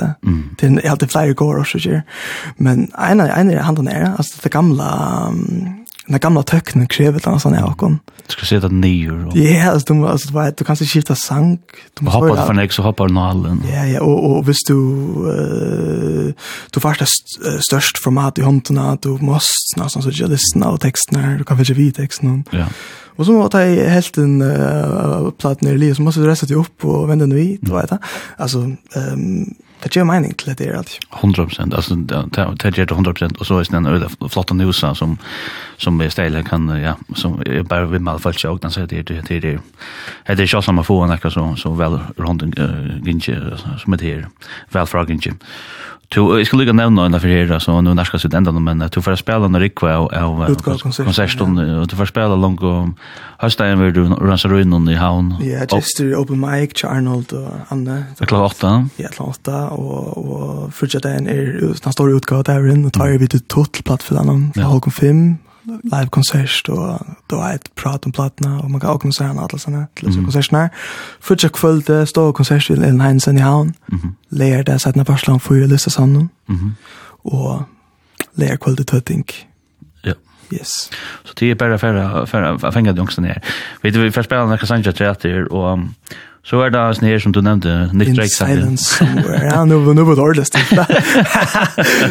Hva var det, jeg minns det, kan vara det le kampmann konsert kan Geffes var som är diska ja då då då gott att säga att jag kanske kunde vara fan av le kampmann. Ja, Ja. Eh hon hon ja. och så och det var det stilt allt det och så Hva var det teiter, uh, spalte teiter vi, jeg tror, eller spalte, hun spalte vi teiter ganske den etter, ja, ja. den etter.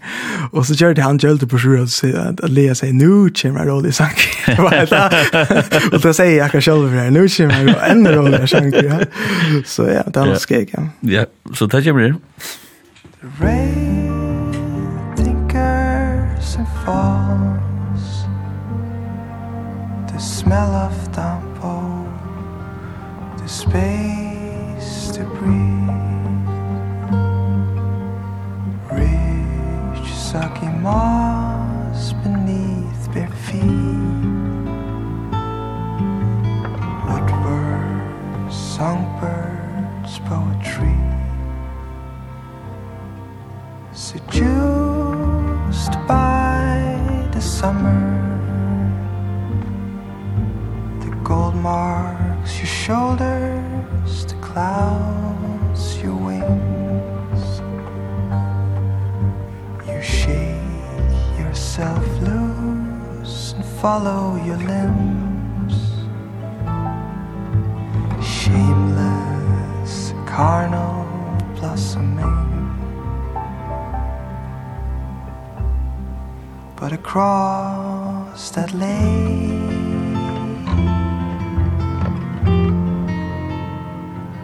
half a face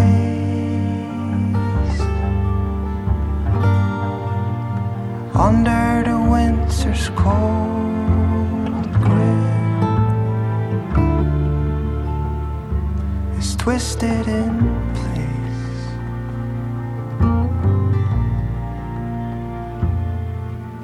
I'm only getting older. But the eye waves doesn't break. Submerged, solid, half of you stay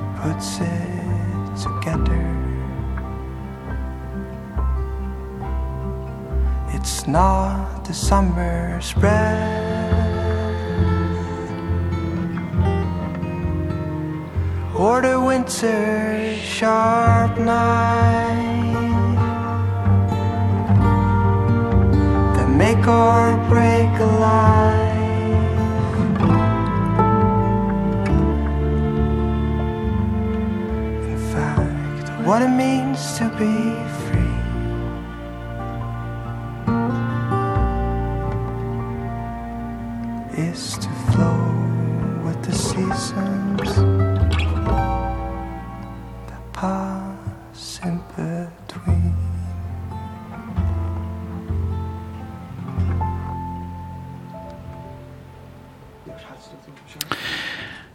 Her var da sangren In Silence Somewhere tja Eie Horsdal, og hans nær sangren er uh, etlvinda skjering og hans herra, nutje plato. Jag tror jag 16, nu narskast vi. Ja, vi narskast. Man tar ju en runda och det gör den alltid. Det är inte ofta jag får en plato vid 16 sank och till rätt. Nei, det är syns det stort, ja. Ja, ja. Ja, det er faktisk max, altså, hvis man också har LP-format, först yeah. måste köra så ja. Ja, jag kan snäcka. Det är Alltså, det är, så kommer det jo, ju bara minuter så har tatt det kjent om av mina. og här låter det ikke ju väl. Men där känns ju jeg har til enda, så bare så ju någon terapeutiskt att det var super high fi. ja. Nej og han som så har skor uh, till det just fra det arbeid, og jag tar lov fast jag tar lov med dem.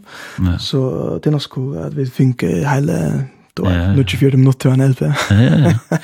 Det är flott. Han att kick sig Ja ja. Den vad saken är små han hade shards. Ja, det är det vi eh det? Alltså det är ju eh bråta alltså så bryter glas så lite ja, shards och går nu. Okej okej. Och och det är det är Dwight eh nå så får ni inga skever i så vi tar som en skruvblockering och en um, strandperiod ta. Mm.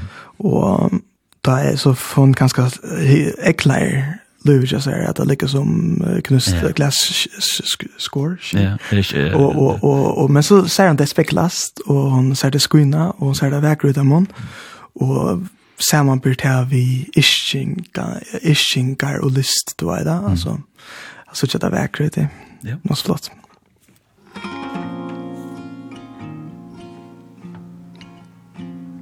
Shards like fragments are suspended around me They shine like diamonds I make poetry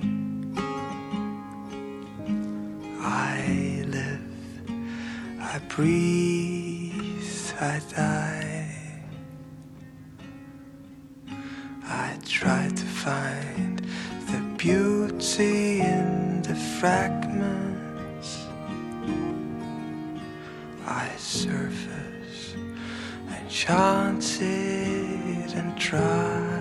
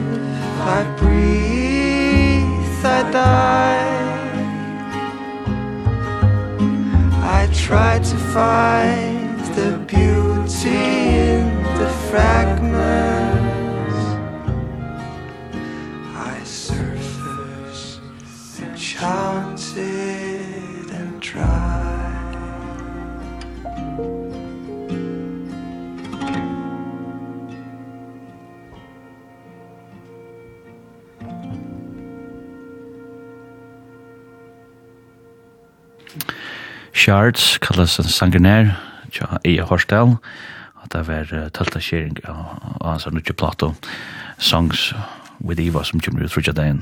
Vi tar var, det er sannsynlig at noa, Only nummer 13 av 16 kommer nu, only an hour. Yeah. Og nu er det att vi till Myrskaholen. Nu er det för, uh, en busstur eller en togtur av vi heim, här. Där man kan så stoppa etter enn, om man... Uh, man føler som at uh, heimen kanskje blir smeltet sin sammen, man er sin stressar, og man får... Uh, eller at det var... Hvis jeg er bostur i London, så er, og, ja, og, så er jeg stressar. Og, og Eva, hon, hon, hon seder øyla vekkurs og hekenslige år og disse kjenslene som flere ganske kjenne, og det er, er nok, er, er nok snakk angst i sånne tekstene. ja.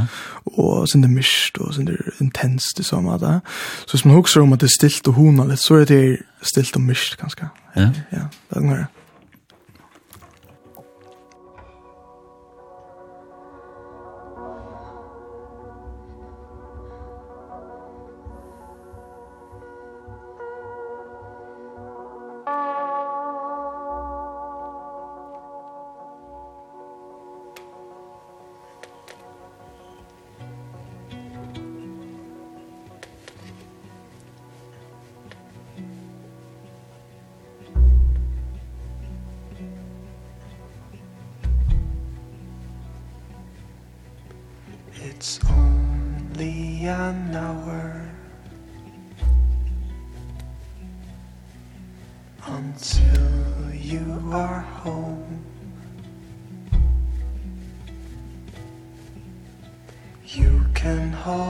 yourself together until then. A whole day of memory is held captive in your mind's eye. Just keep calm.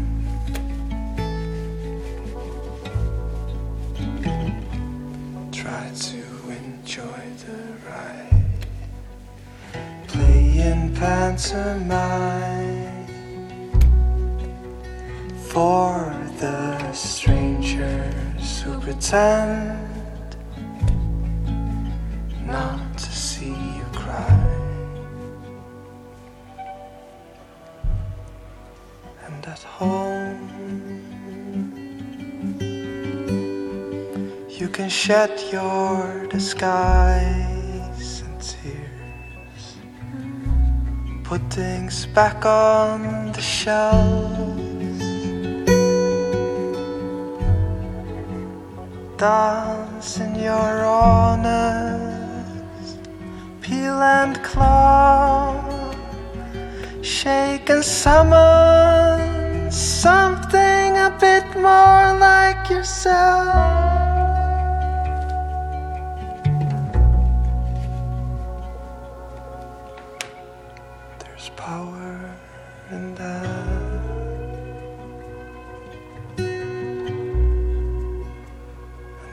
six more stars.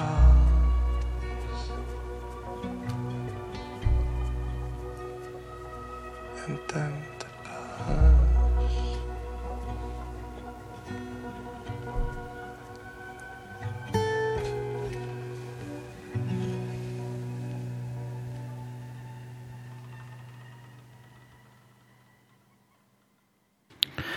Only an hour kallar sangen her tja Eia Horsdal og Det var uh, tekster til hans herre Vinkon og Evo Perin Fontana. Perin. Perin Fontana, som heier rundt og lyst. Uh, og det sindur uh, lenge en togtur. Uh, og vi har hjem uh, i London. Og, og sindur, det kan bli kanskje sindur du angstprokerende. Ta i ta i sin ek folk og det, det, det lengt hjem det är ganska i havnen där våra motor man får show vars vars kvar för längt vis på inte på sånt dålig havn slash och och chips vi det vi det har tror jag sån rester där där eh annars partner och också nu alla Army Javas så ja så det är bara dem Simon är ju sån helt stort stort jag kallar voice memo det är ett iPhone och det och och som till uppron och upptäcker uh, som är faktiskt samstund som är skrivet av första. Hur spelar till då vad ska ta det vi? Just det huskotten till um, till Ishingar Jeff. Ja, alltså och och det är till den måte som snackar yeah. för sändningen, ja. Ja. Och uh,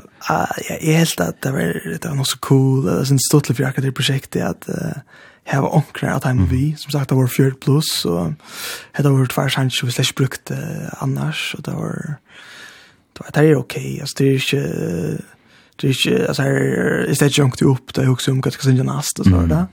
Så synda tog vi. Men uh, det får inte jag det jag hade jag hade Rickard jag hade den. Ja. Bra kvar det. That broken fragment of me. The broken fragment of me. Yeah, that broken fragment of me.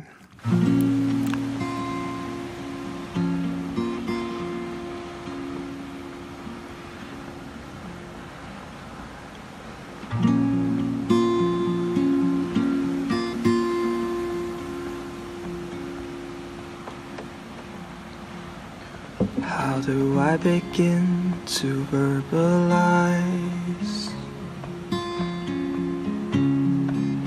Within me the torment that arise? It makes turbulent another fire still mind I walk into the kitchen and there you are.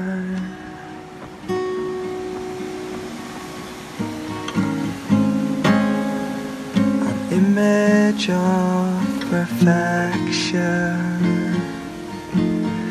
I claw at. Until you are broken. resemble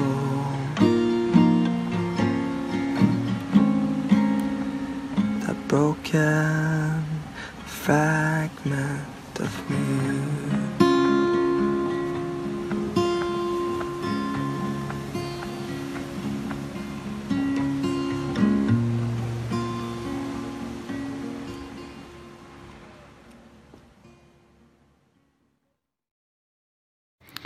Ja, så las jeg var en voice memo tja Eia Horstel, som er min samverster i sendingen her, Løystein, live i Studio 4 og i Sørstudio. Ja, så her har man ganske langt og huskotten, ja, altså, jeg ja. vi at... Uh, eh vid de öppna vintan och och sindra natur och akra här kanske isen sindra på eller alltså det vi ambience alltså för så sanchna att här är det här stora trä vintern tar ut och blåser nila inna. Du simpelt inte upp ute ja.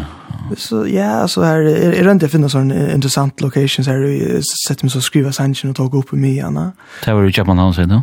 Ja, det er ute i Holmen, ja. på en totalt fjerde MC, här så går blanding av natur og bojar det samstånd. Så. Mm Ja, og det har du då i till neste voice med som er den syste, som det er faktisk ett egen nummer. Han du har nu ny den, den syste, Sgt. Pepper, ja.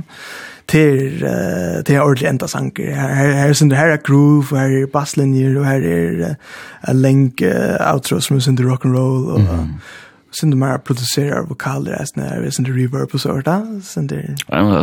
Going going out with the bang som man säger. Nämligen, jag lyssnar mer alltså han han är en chill men alltså han mer Sindu mer Ja, ja. Och sen det fräckt att uh, kalla det Sgt. Pepper. Sgt. Pepper, ja. Det är, det är, det är en sån vinnargruppa. Ja. Uh, pro uh, hardtexten. Oh ja? Yes, yes. Sgt. Pepper.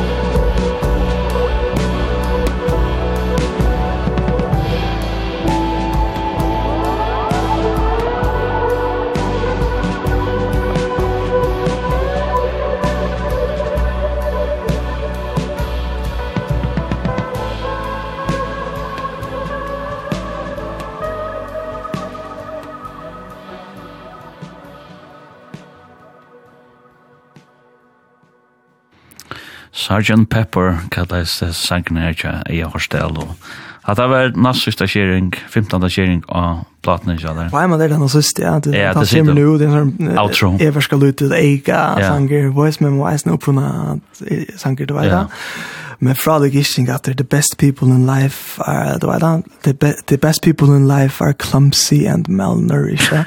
og og altså, man, man, man kjenner seg som, som uh, det er de følelsene som faktisk står av i real, det er ønsken er perfekter, og er disse fasadene som, som man glemmer seg at han fyrer. Ja. We are silly and obscure. We are silly and, ja, ja, det er, og at det er, altså, at det er alt det, var det best skriva, men hvis man kjenner han, så kjenner jeg at jeg ikke kommer. Han fryser alt det har vi ikke kan. Sixty, ja, super, super, super, super fint, ja. Så, um, vi får rundt det om vi til Sanna Stanchen, og så at han alltid så spelar vi faktisk Øystein Talksburg og Teite, som, som Øystein er tidsi vittar her, en inspiration til denne skilja. Absolutt, jeg er tidsi nekvar vi er treat, men tog ikke ekk for kjøtta, og vi nevnte Teite fyrir kvöld, og Kata Hotten Hottene, som er, altså, du er det er det beste album som jeg vet om, og ja, og Talksburg, jeg tok han vi, jeg har kjørt han ekk for av det albumet, men No, en fantastisk plate. Jeg gav en omval omvalden omval den för det man jeg gav en 6 av 6 då. Sjølvande. Eh som var ett gott sen da. Du vet där kan man det inte se nu.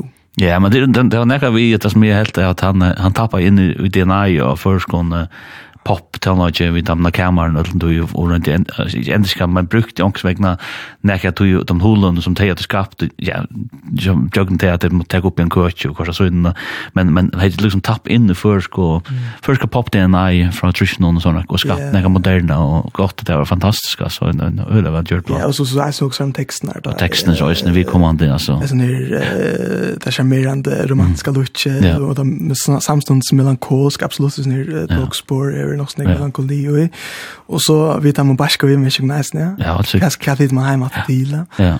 Och öle går på långsamt finner där alltså ja. En en klassablata. Tu eh if I takka dig för att du kunde komma här och vi där sitter och gå låt nu ehm i två timmar nu og prata om att den andra platta och jag kan bara ställa vimma av folk för ut och åkna sig som platan som heter Songs with Eva og jeg får at lusta etter Eia og hans balki som får spela. Konserter nasta dagen er høstdagen for det er det i Ransa Ruinen ta er open mic til Jester her. Og så er det um, tot til halv fem eller halv fem frigja dagen kata hotne. Og kata hotne tja her som teitur som skriver om. Um, og så er det frigja kvalt tja Ellen Heinsen og Esten i havn stå konsert i havn. Ja, det er bare fyra fem billetter etter da Jan Elfern, ja. Ja. Og så er det i listaskalan nå? Plan fyra leier det, ja. Og lista, lista sand i havn, ja. og, og, og, og leier kvöld i Tøting. Ja. Og ta spiller Bjerke Hansen, jeg spiller ikke til dobbeltkonsert. Ja. ja, Tøting leier godt. Så det er opplagt affæra hvis man høyra diktar tjannløyk og, donar i folk framfor det, så er det. Richard Møller kom til. Jeg får ikke der, året gav etnå vis ned, fram og retta, og, og vi er tusen tusen alt, til det er, at det er, ja, at det er, ganske være, ganske skulle være ærene, at det det må jeg si, ja, at det er diktar, diktar verst og lett rundt noen. Ja, takk One, og, og takk for uh, fallega sending, og absolutt ikke bare kvöld, og det er fan i lorste, og det, det, det er stolt at man, att man kan höra alltså man kan dyka ner när så det är två hela timmar då var utar från så att det är vi tål sen någon och att och komma sen långt alltså mm. Ta det här. Till till Og Och annars så var jag lite sent ut hemma så när jag kring med kvf.f og framskak Lloydstein. Hon kommer nok også ut av Spotify og som Pottervarsp och im som tärnas när ute. Och jag har så Facebook-venker som ska føre dama och og kommer rysa det også og nå skulle og takk til dere som skriver inn av 2400 vi tar var sitt hukket med vel det har haft at lukka honali så vidt har haft at det er absolutt hun honali tøvnaker og tjevka og møyning og sort ja ja og sort miste ja det vet jeg kvalitet av den Men uh, vi er snir for å takke for, for jokken. Uh, det var jeg Horstad som er min uh, samverster og er Underløs Hansen. Og vi spiller først en, en her voice memo som heter The Best People in Life. Og så får du også en talkspår til å teite at han har det. Alt det beste ute og, og ansen og veldig til showen ute. The best people in life are clumsy and malnourished. We are silly and obscure. Obtuse and secluded. Ecstatically confused and anxious. Yet we bond through depression We tickle charm my way through life.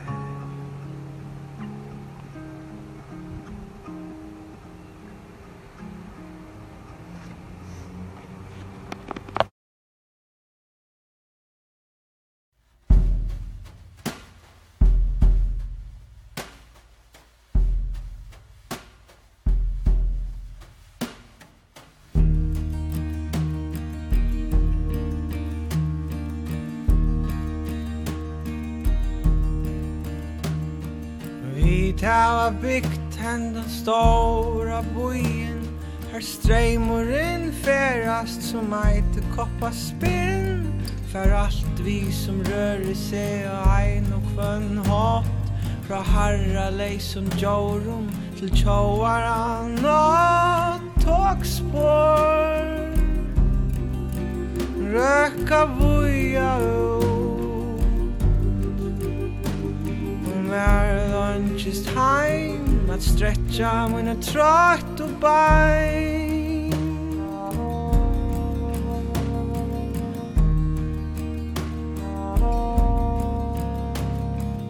Fölkjene genga etter venon i frakka Her er vere så kalt Og egin er frista.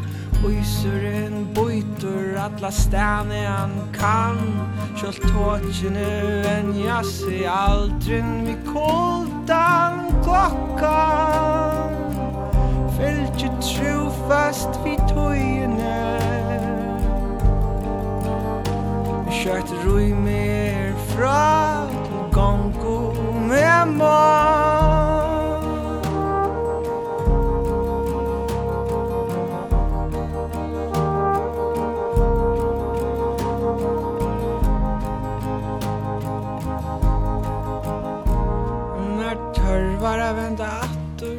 att liva smarr At vara ensam allur vid tajmon är Känner ången hickor ett mer Vi ontran här er do Fåglarna sank framan ontan tågspår